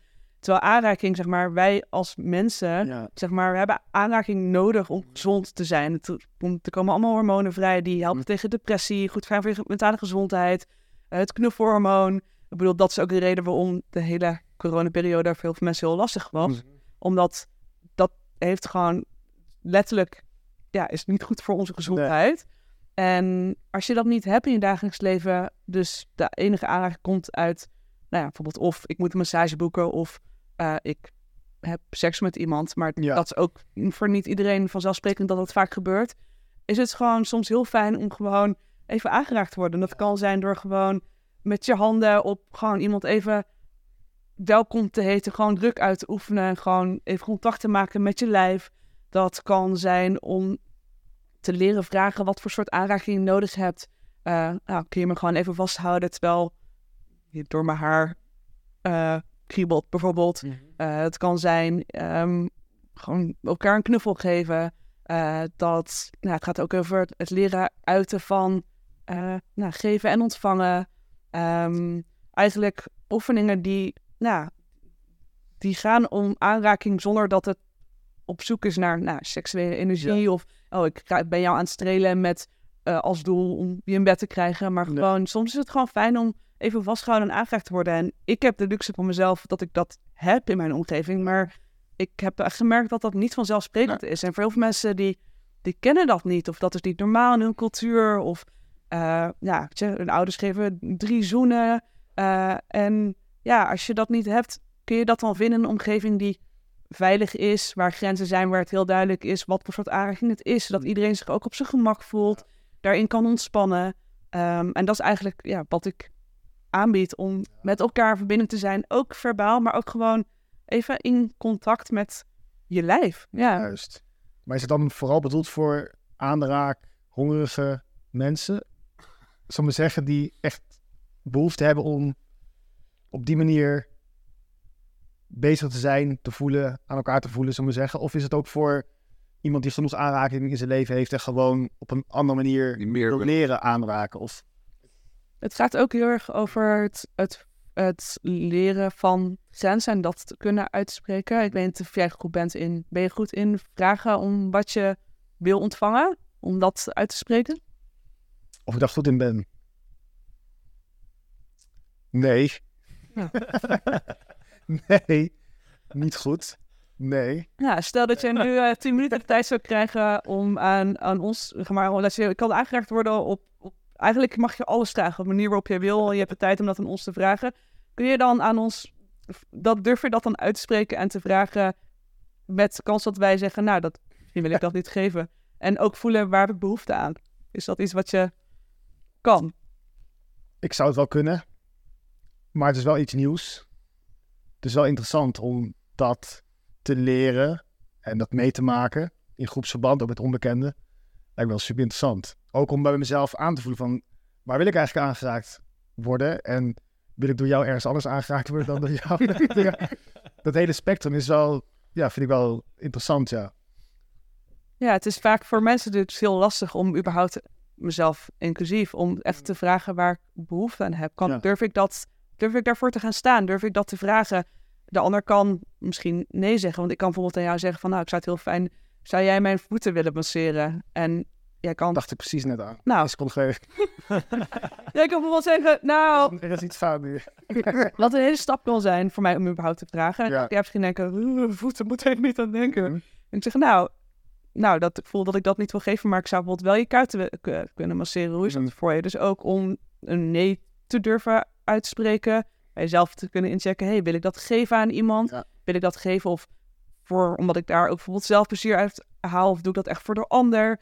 Maar het is vaak al heel lastig om te voelen wat je wil en dat te durven uitspreken. En misschien vraag ik jou om te masseren en denk ik na twee minuten, ik dacht wel dat ik dit wilde, maar ik heb er echt helemaal geen zin in. Durf ik dan nog te zeggen, oh, eigenlijk heb ik behoefte aan iets anders. En ja, het is super fijn om precies aangeraakt te worden op een manier waarop je wilt. In, op deze manier, maar ook misschien wel op een seksuele manier. Zeg maar, kun je dat, ja, durf je dat te vragen en überhaupt kun je dat opmerken bij jezelf? Waar heb ik behoefte aan? Nou, dat is vaak al een hele grote stap. Ja. Ja, en dan ook nog het uitspreken lijkt me ook. Van, dat je dan moet durven zeggen van... eh nee, ik wil aan mijn knieholte aangeraakt worden. Weet je wel, zo. Bijvoorbeeld of iets heel... Weet je, dat Mm. schaamte speelt ook een rol dan, denk ik. Dat je je schaamt voor iets wat je misschien... Ja, en wa- wat is de juiste setting daarvoor? Dat, die setting is er nooit op die manier. Nou ja, ja wel dus. Ja, wel, precies. Die creëer, creëer jij dan. Maar voor de rest, gewoon in, in het dagelijks leven. Ik heb wel eens gehoord dat het, eh, dat het zeg maar een soort primaire basisbehoefte is. Hè? Wat dan zeg maar de, de ondergrens is van wat gezond is voor mensen. Om vijf verschillende mensen per dag eh, aan te raken. Of daar in aanraking mee te zijn, fysiek. Ja, ik denk dat heel veel mensen daar niet aankomen. Inclusief ikzelf, regelmatig. Dus ik kom, kom daar niet altijd aan. Het is best veel, eh, vijf. Vijf verschillende per dag. Ja, maar dat is dus wel interessant. Want de, hele maatschappij en hoe wij leven. eh, iedereen leeft anders uiteraard. Maar overal, zo is de maatschappij niet ingericht. Of, wij- In onze cultuur. nee. Nee. nee. Nee. Maar je kan er wel... we hebben, en nou, misschien in deze cultuur. Ja, Misschien de westerse cultuur, ja. Ja. Tenminste, ja, misschien in, in, in Zuid-Amerika of, of zo. Of weet ik, in Spanje zijn ze veel eh, hartelijker wat dat betreft, volgens mij. Er zitten wel grote verschillen in, ja. Of in, in andere culturen, ja. Ja, en je moet je ook niet vergissen dat, zeg maar, zeker in onze huidige, eh, nou ja, zeg dat, tijdsperk, aanrakingen ook op een hele eh, vervelende manier uitgelegd kunnen worden die misschien niet zo bedoeld zijn. Dus dat mensen ook veel voorzichtiger zijn, überhaupt om mensen aan te raken, want het kan verkeerd geïnterpreteerd worden. Eh, terwijl het ook heel fijn is om gewoon wel aan te raken. En ik bedoel, ik, wat ik al zei, ik ben van mezelf aanraker. Ik heb denk ik het geluk dat ik een vrouw ben, dus dat ik daar zelf dat minder op hoef te letten, hoewel ik er wel bewust van ben. Maar helemaal als mannen zijnde, ja, eh, moet je echt uitkijken dat je niet iemand zomaar aanraakt. Terwijl heel veel mensen hebben daar wel behoefte aan. Dus Ja. kun je, als er een omgeving is waarin dat veilig is en waar het heel duidelijk is, dit zijn de kaders, dit zijn de plekken waar wel en niet wordt aangeraakt, dit zijn de grenzen, daar, daar, daar, daar maak ik heel veel tijd voor. Ja. Zodat iedereen zich veilig voelt en ook durft te, daarin kan ontspannen. Maar ook in het, in het aanraken zelf en het geven ervan. Omdat het, ja, het is niet meer zo vanzelfsprekend dat je even een, iemand een hand op zijn schouder legt, noem maar wat. Want Die gaat gelijk naar HRM. Ja, ja dus, dus veiligheid is eigenlijk heel belangrijk. Een soort veilig kader, Mhm. een veilig container waarin het mag. Maar is dan het uitspreken van bepaalde dingen belangrijk? Of hoe, hoe creëer je dan zo'n veilige omgeving? Natuurlijk, jij creëert dat in je workshops, maar je bent erin opgeleid en getraind en je hebt ervaring. Mhm. Maar stel dat je meer aanraking wil in je dagelijkse leven of zo, dan is het dus belangrijk dat je veiliger, veiliger persoon bent of zo. Ja, heb je, heb je tips en tricks in het dagelijks leven? Ehm, nou, ik denk sowieso dat, dat er. Hoe zeg je dat? Ik denk als, ik, als je zelf een aanraking persoon bent, dat je misschien de aanname hebt dat andere mensen erop zitten te wachten, terwijl dat niet zo hoeft te zijn. Dus bijvoorbeeld een vraag kan al zijn: hey, eh, mag ik je een knuffel geven? En het is ook nog interessant te zeggen: is die knuffel voor jou of voor mij? Want Ah, ja. ga ik jou een knuffel geven om jou een knuffel te geven, of eigenlijk om er één te halen omdat ik er één wil? Dat is ook nog. Om Dat de leegte op te vullen in jezelf. nou ja, misschien heb ik behoefte aan een knuffel en wil ik er jou in geven, maar heb ik eigenlijk daar zelf behoefte aan. Dat Mm. is natuurlijk nog anders. Maar bijvoorbeeld om- om even in te checken van, hé, hey, ik je open voor een knuffel in plaats van dat gelijk te doen. Ehm, en of gewoon even checken bij, waar, ik, waar ik sport, zeg maar, mijn coach die, eh, soms is het fijn om om een houding te corrigeren. Die, ik heb een coach die vraagt, ja, mag ik je aanraken? En dat is zeg maar in plaats van gewoon, oh, ik pak je vast en ik, Hm. ik zet je in een andere positie. Ik heb daar niet zoveel moeite mee, maar ik kan me ook voorstellen dat het voor mensen heel een reactie kan oproepen die heel onveilig voelt. Dus überhaupt even inchecken, hey, is het oké dat? Hm. Eh, in plaats van gewoon doen, want dat is, nou, ik heb dat zelf eens echt moeten leren. Mijn natuurlijke mechanisme kan er erg helpen. Oké. Dus het komt toch weer uit dan bij communicatie. uit. Ah ja, uiteraard. Ja, ja, ja. Ja, dat denk ik Ja. wel. En, en welke niveaus, of ja, niveaus, ik noem het even niveaus, maar je hebt zeg maar verbale communicatie, je hebt lichaamstaal.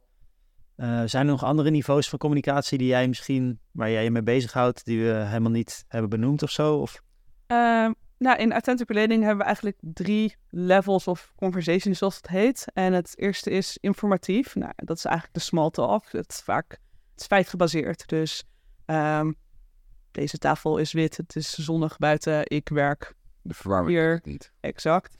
En heel vaak hebben we dat ook nodig om ons veilig te voelen, om een soort van beeld te schetsen van iemand of nou, iemand een hok te kunnen plaatsen.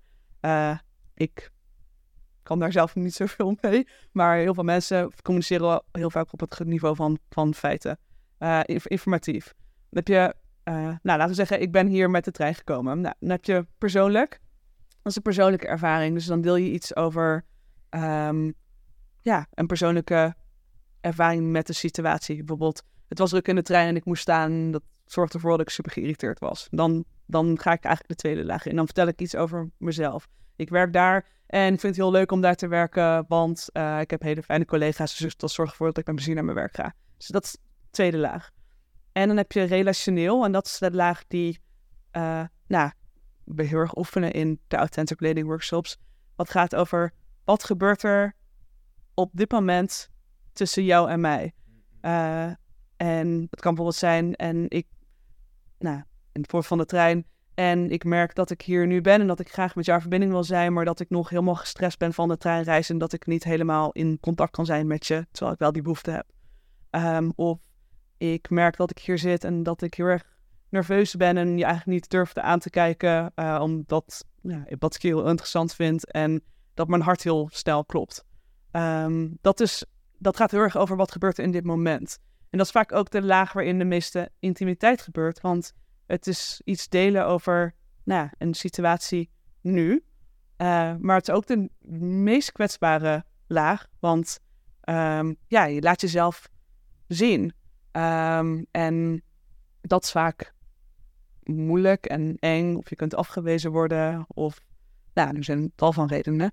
Ehm, maar het is wel ook de laag waarin vaak veel gebeurt. En we gebruiken ze allemaal, maar je kunt ze onderscheiden in een gesprek. En wat ik ook heb gemerkt hierin is dat, stel, nou, ik heb echt wel gesprekken gehad dat ik echt dacht, oh mijn god, ik vind het zo saai. Hoe, hoe ga ik mezelf uit het gesprek halen?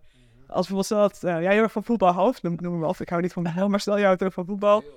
En jij bent me allemaal vertellen over voetbal en wie er heeft gewonnen en wie ervoor staat. En ik denk echt, ah, nee, dit boeit me echt helemaal niks. Zeg maar, dan zou ik kunnen denken, oké, deze guy praat alleen maar over voetbal. Hoe ga ik mezelf uit het gesprek halen? Maar of ik kan aan jou vragen, of ik kan relationeel kan zeggen, hey, ik merk dat ik graag met je in gesprek ben, maar dat dit me niet zoveel interesseert, maar dat ik wel graag in verbinding wil zijn. Kun je misschien wat vertellen over waarom je voetbal zo leuk vindt? En dan ga jij vertellen over de persoonlijke laag, wat ik waarschijnlijk wel interessant vond. Ik vind het heel leuk om te horen waarom, waarom iemand heel enthousiast is over iets.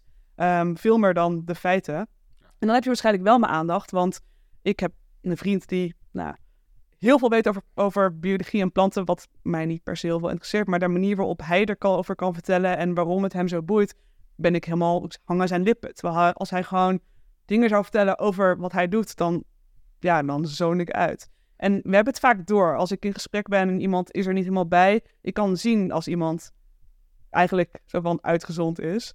Dus we kunnen het ook, ik het ook zeggen. Hé, hey, ik, of, nou, of bijvoorbeeld, ik kan benoemen, nee, ik merk, ik ben met je aan het praten, maar ik merk dat ik het gevoel dat je er niet helemaal bent.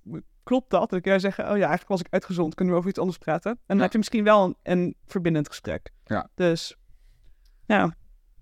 Interessant, die drie lagen. Ja, ja. Heel vet. Ik hoorde je net iets zeggen over intimiteit. Wat, wat betekent dat? Voor mij? Voor jou, ja, ja, of de feitelijke, nee, voor jou. Feitelijk. De derde Of tussen ons, nee, nee, ik bedoel, maar gewoon... Ja, wat is intimiteit eigenlijk? Ik vroeg me af, Ja. wie dat woord noemde. Dus van, Goeie vraag.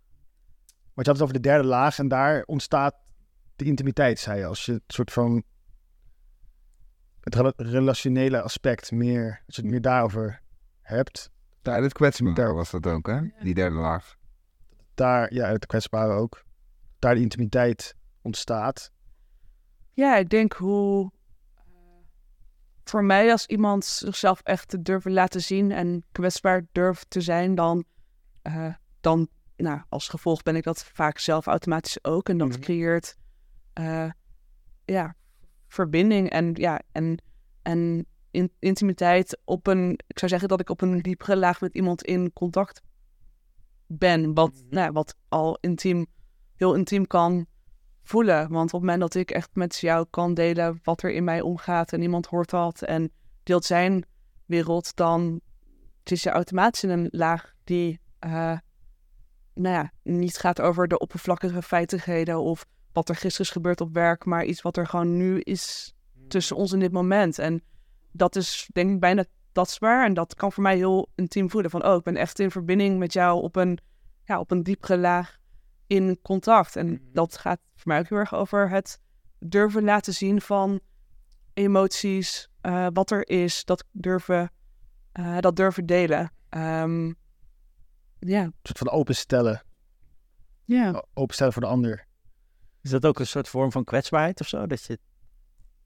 Het is sowieso kwetsbaar, want Mhm. als ik mezelf echt laat zien en dan bestaat er ook een kans dat ik afgewezen word. En eh, nou, heel veel mensen soort van denken dat er twee basisangsten zijn om afgewezen te worden en niet bij te horen, niet goed genoeg te zijn. Eh, heel veel dingen zijn daartoe herleidbaar. Eh, dus op het moment dat ik mezelf echt laat zien, dan bestaat er ook een kans dat de ander ja, me, me afwijst. Als ik dat niet doe, dan ja, een soort van zelfbescherming. Ja, Eh, en ik denk dat dat is wat, ja, heel veel mensen, ik bedoel, ja, ik weet wel zeker dat dat is wat heel veel mensen doen. Heel veel mensen gaan niet op een date en doen zich voor als de beste versie van zichzelf. Of proberen zichzelf op een bepaalde manier te verkopen. Of, eh, nou, wat je vaak ziet bij puberjongens op straat, die zichzelf groot te maken, schouders naar achteren, van op een bepaalde manier lopen. Het is allemaal een soort van, eh, nou ja, vaak het anders worden dan je je voelt, eh, onzekerheden camoufleren eh, en, en dus, ook- maar dus ook niet, echt jezelf niet echt laten zien. En als ik, nou, ik heb zelf heel snel door als iemand iets doet in plaats van is of onoprecht is of eh, heel erg probeert iets te zijn en dat ik denk, maar laat, wie, wie, wie ben je echt? Maar je bent een echt aan het opvoeren. En ik kan, ik voel geen contact of, nou, ik kan niet op dat, die laag komen als iemand iets, ja, iets probeert uit te stralen of te zijn in plaats van gewoon is hoe die is op dat moment. En voor mij is dat intimiteit van, hey, kan ik echt tot jouw kern en mag ik zien wie je bent en hoe je je voelt en eh, waar je je zorgen over maakt, wat je lastig vindt, dat vind ik veel interessanter. Ja, juist. Dus vrienden onderling kunnen intiem zijn met Zeker. elkaar. Dus in- zelfs in een workshop, zeg maar, er kan een bepaald gesprek ontstaan waarin, eh, waar, nou ja, waarin mensen iets met elkaar delen wat ze bijvoorbeeld misschien nog nooit met iemand hebben gedeeld en waar ze opeens ruimte voor krijgen. En als je dat in kleine groepjes hebt en iedereen deelt dat met elkaar, dan heb je opeens heel veel, ja, gewoon, dat, dat, je kunt dat bijna voelen, die energie, hoe dat verandert van, oh, we zijn, je, ja, je- iemand laat zich echt zien aan de ander en de ander ziet jou. En dat is voor mij, ja, dat is voor mij denk ik intimiteit. Ja. Echt, echt elkaar mogen zien in waar je bent en, en wat je voelt in al je delen. In plaats van alleen maar de, hoe ik me wil uitstralen of de, Ja. nou ja, in mijn geval de vrolijke wie ze ook altijd was. Mensen zeiden, ah, je bent altijd vrolijk. Ja, dat, want dat andere liet ik niet zien. En inmiddels heb ik, zeg maar, durf ik ook te laten zien als het niet goed met me gaat. Maar dat heb ik heel lang niet gedaan. Want Ja. dat, ja, men zei van, ah, die, die, de buitenwereld zag me altijd als de vrolijke persoon. Dat ben ik ook heel vaak. Maar er zijn niet zoveel mensen die die kant van mij kennen. En dat leer ik ook steeds meer. En ehm, ja, voor mij is dat denk ik wat heel waardevol is. Om gewoon echt alles er te mogen laten zijn en alle emotie. En gewoon, laten we gewoon zijn met elkaar in alle, nou, ja, soort van messiness van mens zijn, zeg Ja. maar. We hoeven niet altijd vrolijk zijn. We mogen ook gewoon ons super verdrietig voelen en moe zijn of all over the place zijn of niet de leukste versie van onszelf zijn. Ja, kan mag dat er ook zijn, alsjeblieft. In plaats van dat het allemaal goed met ons gaat en dat we allemaal succesvol zijn en onszelf verkopen in de beste versie van onszelf. Ja, come on.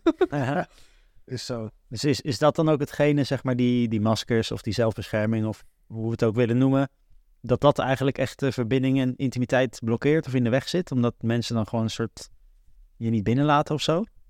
Ik, ja, ik denk het wel. Als ik ook kijk naar, nou, bijvoorbeeld eigen relatie, hoe meer, ik heb echt gemerkt hoe meer ik van mezelf laat zien, hoe intiemer en dichterbij het voelt. En hoe meer ik iemand nog op afstand houd of dingen weghoudt, dan is er, ja, er is gewoon minder verbinding. Maar dat is super eng. En zeker als je iemand nieuw ontmoet, dan, en je vindt iemand heel leuk, ja, durf je dan dat te laten zien? Dat moet groeien ook, dat vertrouwen, natuurlijk.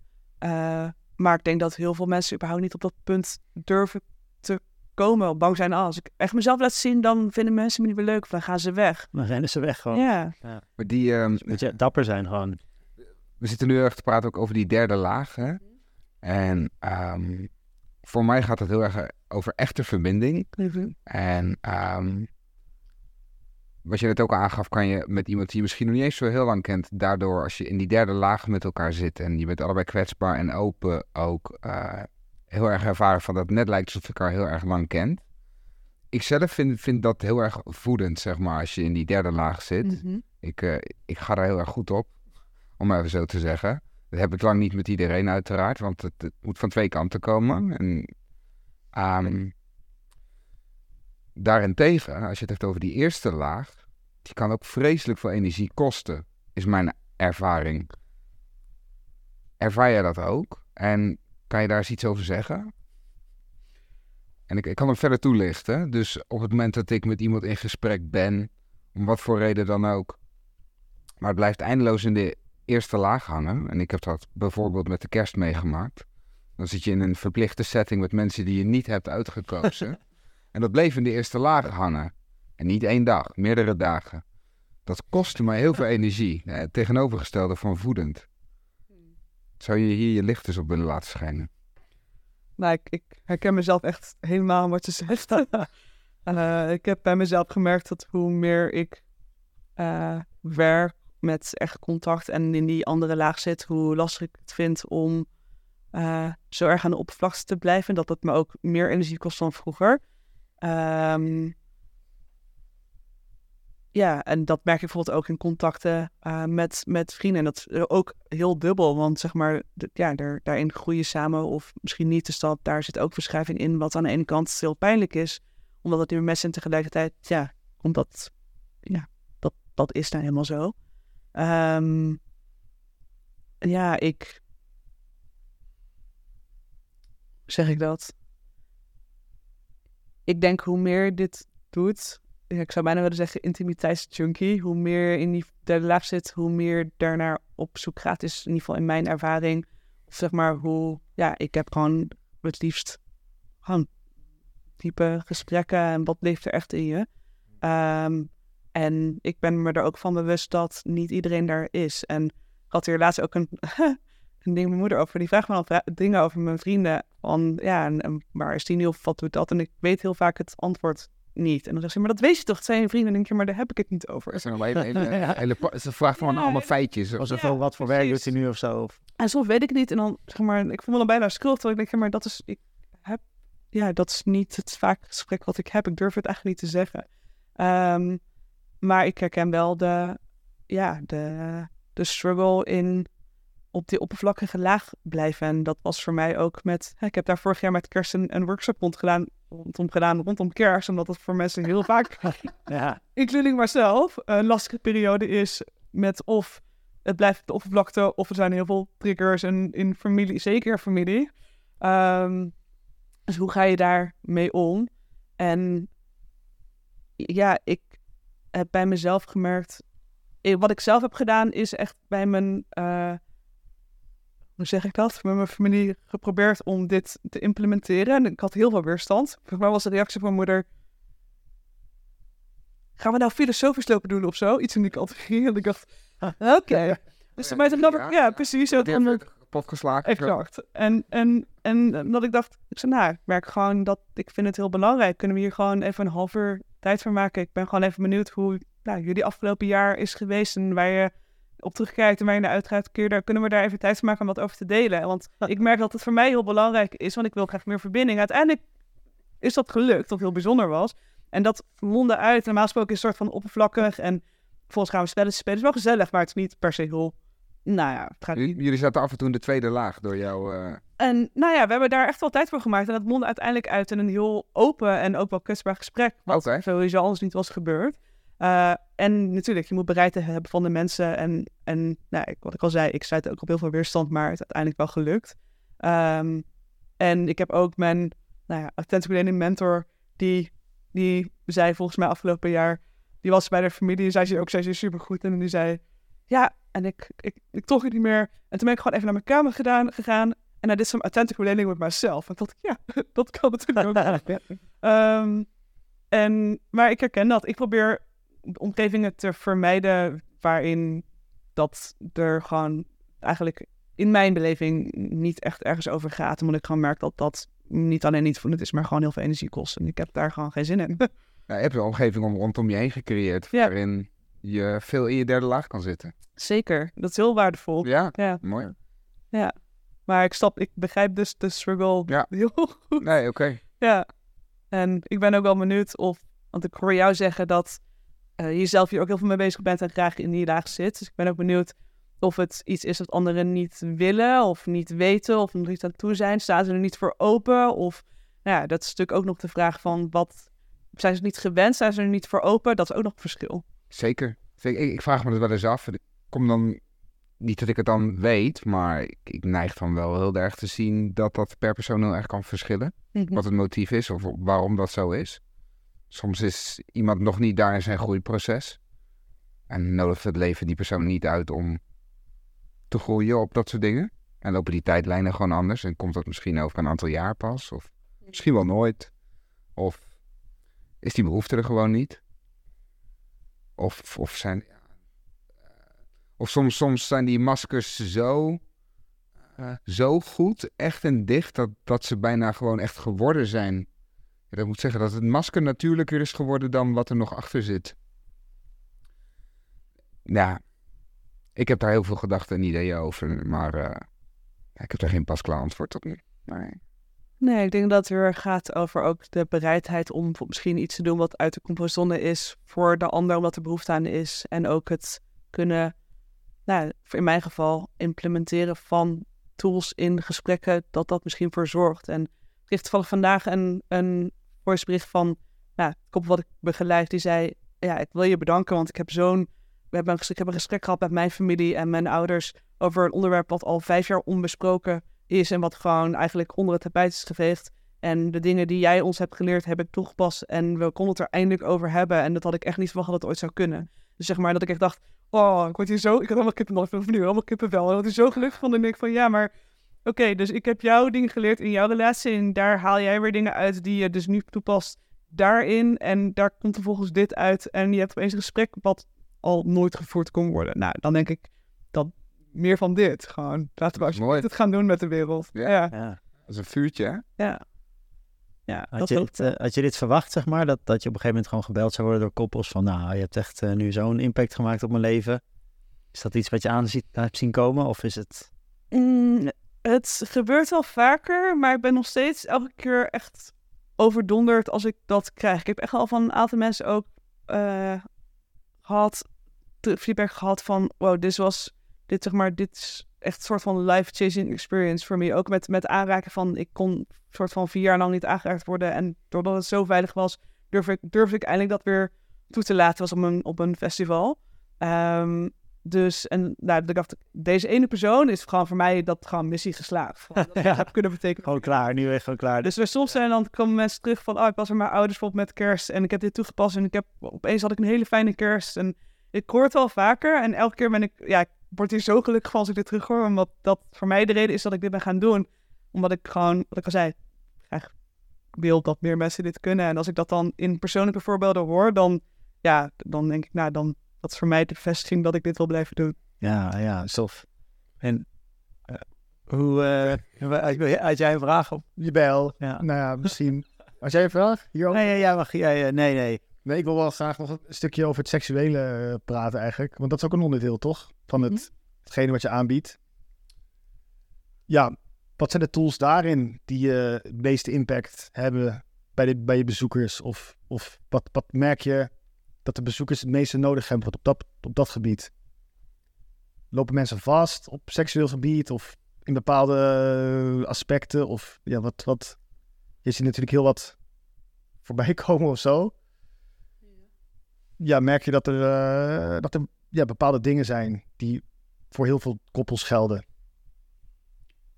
Ik weet niet zeker of ik je vraag helemaal begrijp. Gaat het over waar mensen tegenaan lopen? Seksuele intimiteit eigenlijk. Ja. Ehm, ja, wat zijn een soort van reguliere dingen waar koppels tegenaan lopen? Of die je vaak tegenkomt? Is het een stukje communicatie of een stukje eh, niet elkaar zien of niet naar elkaar luisteren of niet de tijd nemen? Of kan je daar iets over zeggen? Of is het Nou, niet zo 1, 2, 3?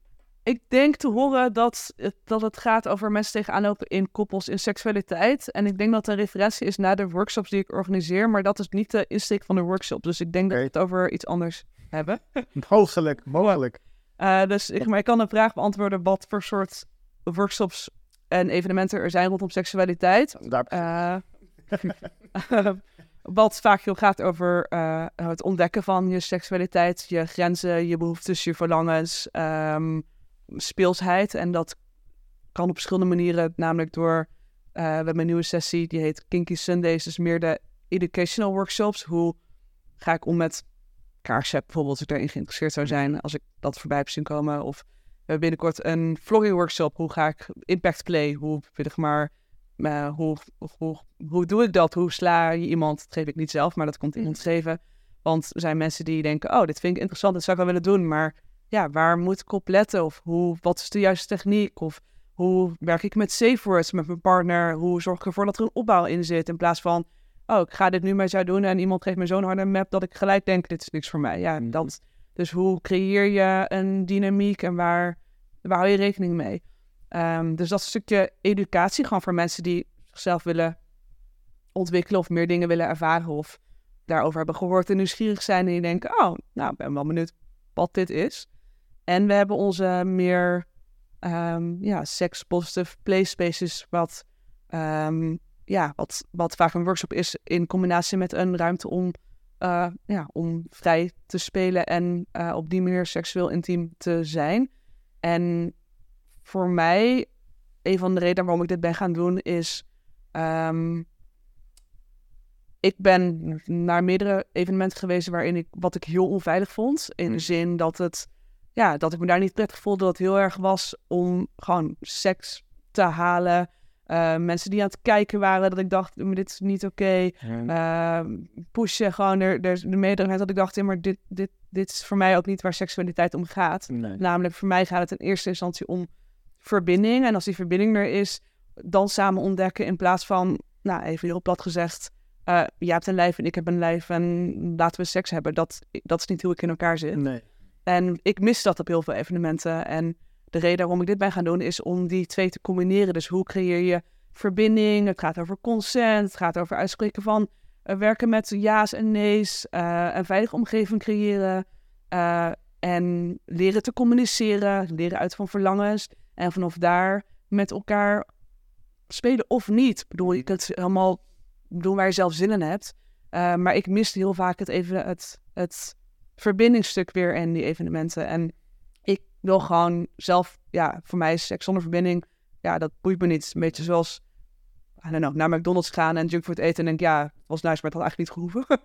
Eh, dat is net gewoon niet voor mij. Ik, ik weet niet, ik wil, ik wil eerst die verbinding voelen of de energie voelen of en ja, denken, oh, je hebt, ik heb een fijne connectie met jou. En vanaf daar kan er heel veel ontstaan en is er heel veel ruimte voor openheid en ontdekken, maar wel vanuit die plek van verbinding. En de mensen die daarop afkomen, om die oorspronkelijke vraag te Mm. beantwoorden, zijn denk ik vooral mensen die nieuwsgierig zijn, meer willen ontdekken over zichzelf, mijn eigen fantasieën, verlangens. eh, en je veilig voelen in de omgeving en misschien geïnspireerd worden door anderen. Ik bedoel, ik heb echt wel, oh, dit, oh, dit, kan, dit kan ook nog. Ja, dat is, vind ik super interessant. En waarin niks hoeft en waarin mensen ook gewoon vooral zich veilig voelen en helemaal als vrouw alleen. ehm, ja, vind ik het gewoon heel belangrijk dat, dat er een plek is die, ja, die comfortabel is. In plaats van dat ik, nou, denk, Jezus, ik heb je niet toestemming gegeven om aan te zitten. Blijf van me af. Gewoon, ik loop hier gewoon. Ja, dat heb ik ook meegemaakt en ik, ik wil dat niet. Gewoon, ik, ik vind dat dat ook niet zou moeten kunnen. Precies. Dus, Dus je keert in eigenlijk een soort van omgeving waar je als spelend kan leren van jezelf, maar ook van elkaar In de verbinding. in verbinding. Ja, ze hebben bijvoorbeeld een workshop eh, die ik samen met Nicole doe. Die heet Erotic Presence, wat heel erg gaat over het leren uitspreken van sensaties, ook emoties, energie, verlangens. Eh, dus zeg maar, überhaupt, wat we vaak niet doen, is ook communiceren tijdens seks. Zeg maar. Ja, Stel dat jij me over mijn arm streelt, aangeven, oh, ik voel daar een tinteling. Of ik merk een verlangen dat je me eigenlijk eh, harder aanraakt of misschien even knijpt. Vaak gaan we gewoon dingen doen Ja, en dat er. Dus kun je ook leren om te communiceren terwijl je in interactie bent en daarin vertragen en echt voelen wat er gebeurt in je lijf. En ik heb ook gemerkt dat ik ben iemand die heel vaak ja zegt op dingen. En, en in de vertraging dat ik soms merk, oh, ik had eigenlijk hier standaard ja op geantwoord, maar nu ik echt even voel, merk ik dat ik het eigenlijk helemaal niet wil. Mm, Dus, en dat is ook wat vaak gebeurt, namelijk ik denk misschien ja en achteraf denk ik, oh, dit was eigenlijk een nee. Ja, maar dat, en dat voelt heel naar, want dan ga je, nou ja, ik zeg altijd, jij gaat niet over mijn grenzen heen, ik laat over mijn grenzen heen gaan, want dat is wat ik zelf doe. Het is, ah ja, maar, own my experience. Ehm, maar kan ik dat voorkomen door ook daar weer over te communiceren? En dan kan er heel veel. En ik ben op genoeg plekken geweest waarin ik alles kon en ik niks hoefde. Dat is ook fijn, maar voor mij gaat het creëren om een veilige omgeving waarin je jezelf kan ontdekken eigenlijk. Dus eh, de insteek van je vraag wel een soort van waar mensen tegenaan lopen, Ja, maar dat dat- ervaar ik niet. in nee, de- precies. eh, Ja, het is gewoon een groot grijs spectrum ook, waarin je verschillende dingen op verschillende manieren je seksualiteit kan ervaren. Terwijl vanuit, als ik vanuit mezelf spreek, de programmering zit heel erg in het platte porno beeld. mhm, Voor de rest krijg je niet echt iets anders mee of zo. mhm. Ja, dat klopt wel een beetje. Tenzij je een soort van tantrische eh, insteek neemt. Terwijl er, ja, zoals je noemt, er zijn heel veel verschillende manieren om het te beleven. En om jezelf te leren kennen en elkaar te leren kennen. Dus ja, ik vind het super mooi en interessant dat je dit doet, sowieso. en voor mezelf vind ik het ook interessant om daar eh, meer, bezig, meer mee bezig te zijn. Want ja, die verbinding is ook is gewoon key in alles. Dus ook in het seksuele aspect. Maar dat moet je wel dan een soort van leren of Ja, is- een voorbeeld hebben. Of, Ja, nee, dit is ook wel een, misschien even een leuk eh, bruggetje naar als luisteraars dit horen en ze hebben zoiets van, hey shit, dit klinkt echt super interessant en ik wil het graag eh, leren en eh, waar, waar, waar moet ik heen, zeg maar? Waar, waar kunnen ze jou vinden? Waar, wat komt eraan, zeg maar? Of, in evenementen. ja, ja, Nou ja, workshops. Ik zou het zeggen, hou, hou, hou de website of onze Instagram in de gaten. Ja, Eh, Wat is die website? betouchedcommunity.com of Instagram at betouchedcommunity. Ehm, en qua evenementen, nou, we hebben dus, nou, er komen een aantal, ehm, in onze Kinky Sunday reeks hebben we een vlogging workshop, een, eh, een dating event wat een kinky editie is.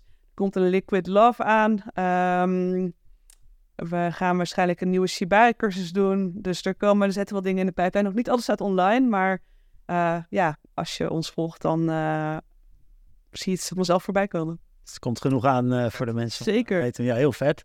En dan ehm, ter afsluiting nog een vraag. Wat, ik weet niet, heb je een visie voor de toekomst? Of hoe zie je wat je nu doet in relatie tot, tot de wereld? Of heb je daar, heb je daar een visie voor? Of, of, een, of een soort droom of iets? Of, Mm, nou, ik zou, ik, ik, ze wil graag groeien als commu- community en, en echt ook een platform zijn voor mensen die zelf er wat te bieden hebben en daarin groeien. En wat, wat ja, ik en mijn compagnon graag zouden willen is, is uiteindelijk een uitbreiding in bijvoorbeeld een BTAS community in andere steden of in een verschillende soort van hubs over op verschillende plekken waarin mensen weten, oh, dat is daar te vinden en dat wordt uitgevoerd. Uh, zodat je bijvoorbeeld misschien ook naar een in Londen kan gaan of in Amsterdam. Uh, dat is wel een langetermijnvisie. Um, en ja, mijn visie is eigenlijk gewoon om dit te verspreiden en mensen gewoon op een veilige manier zoveel mogelijk te laten kennismaken hiermee. En uh, steeds groter te worden. Ik bedoel, we bestaan pas relatief kort. En ja, ik ben ook heel benieuwd waar we over een paar jaar staan. Ja, nice. Ik ben ook heel benieuwd. Ja, als ik dit zo hoor, dan denk ik dat het snel kan gaan. Zeker. Maar is het wel een beetje wat de wereld nodig heeft. Mm, absoluut. Ja. En er is ook een heel groot deel van de wereld wat keihard de andere kant op gaat. Inderdaad, met gewoon uitverbinding en helemaal individualistisch. En dus een soort van twee uh, soort yin en yang. Uh, aan de ene kant veel meer mensen die geïnteresseerd zijn in dit soort dingen. En aan de andere kant veel meer mensen die helemaal vastzitten in die eerste laag. En die, ja, hoe moet ik het noemen, ego of uh, maskers. Of ja, wat natuurlijk ook weer door technologie wordt versterkt. Nou, ik denk wij zijn als mensen gewoon eigenlijk gezelschapsdieren, om maar zo te zeggen. Ik bedoel, de, het hele wat ik ook merk is dat mensen graag ergens bij willen horen, bij een community of onderdeel willen zijn van iets.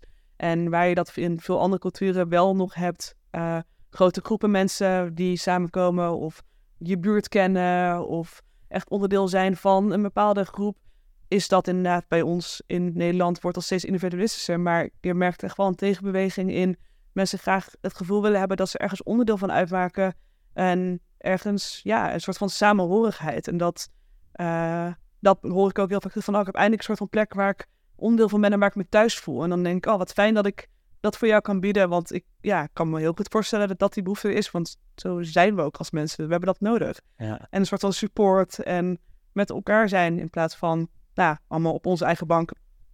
Ogenschijnlijk in verbinding via alle technologie, maar is er echt verbinding? Ja. Ja. Vier streepjes, drie streepjes. Ja. Dat is... Uh ja, nee, uh, inderdaad. Ik ben het helemaal met je eens. En een beetje die tribe, uh, dat tribe gevoel terugkrijgen. Dus ja, Wies, dankjewel. Dankjewel voor het mooie gesprek. Ik denk dat wij echt heel veel wijzer zijn geworden en ook getriggerd om meer te willen weten. Ook voor luisteraars, dank jullie wel weer voor het luisteren naar een nieuwe aflevering. En ik hoop dat jullie, als jullie het leuk vonden, deze kunnen delen met vrienden, familie, wie dan ook. En daarna een leuk gesprek hebben erover. En dat is ook altijd tof om daarna even na te praten en misschien elkaar ook wat van de vragen te stellen die Wies ons cadeau heeft gegeven vandaag. En uh, ja, dank jullie wel. Dank je wel, Wies ook. Heel graag gedaan. Ik vond het heel leuk. Ja, mooi. Alright. Bedankt. Ja, thanks.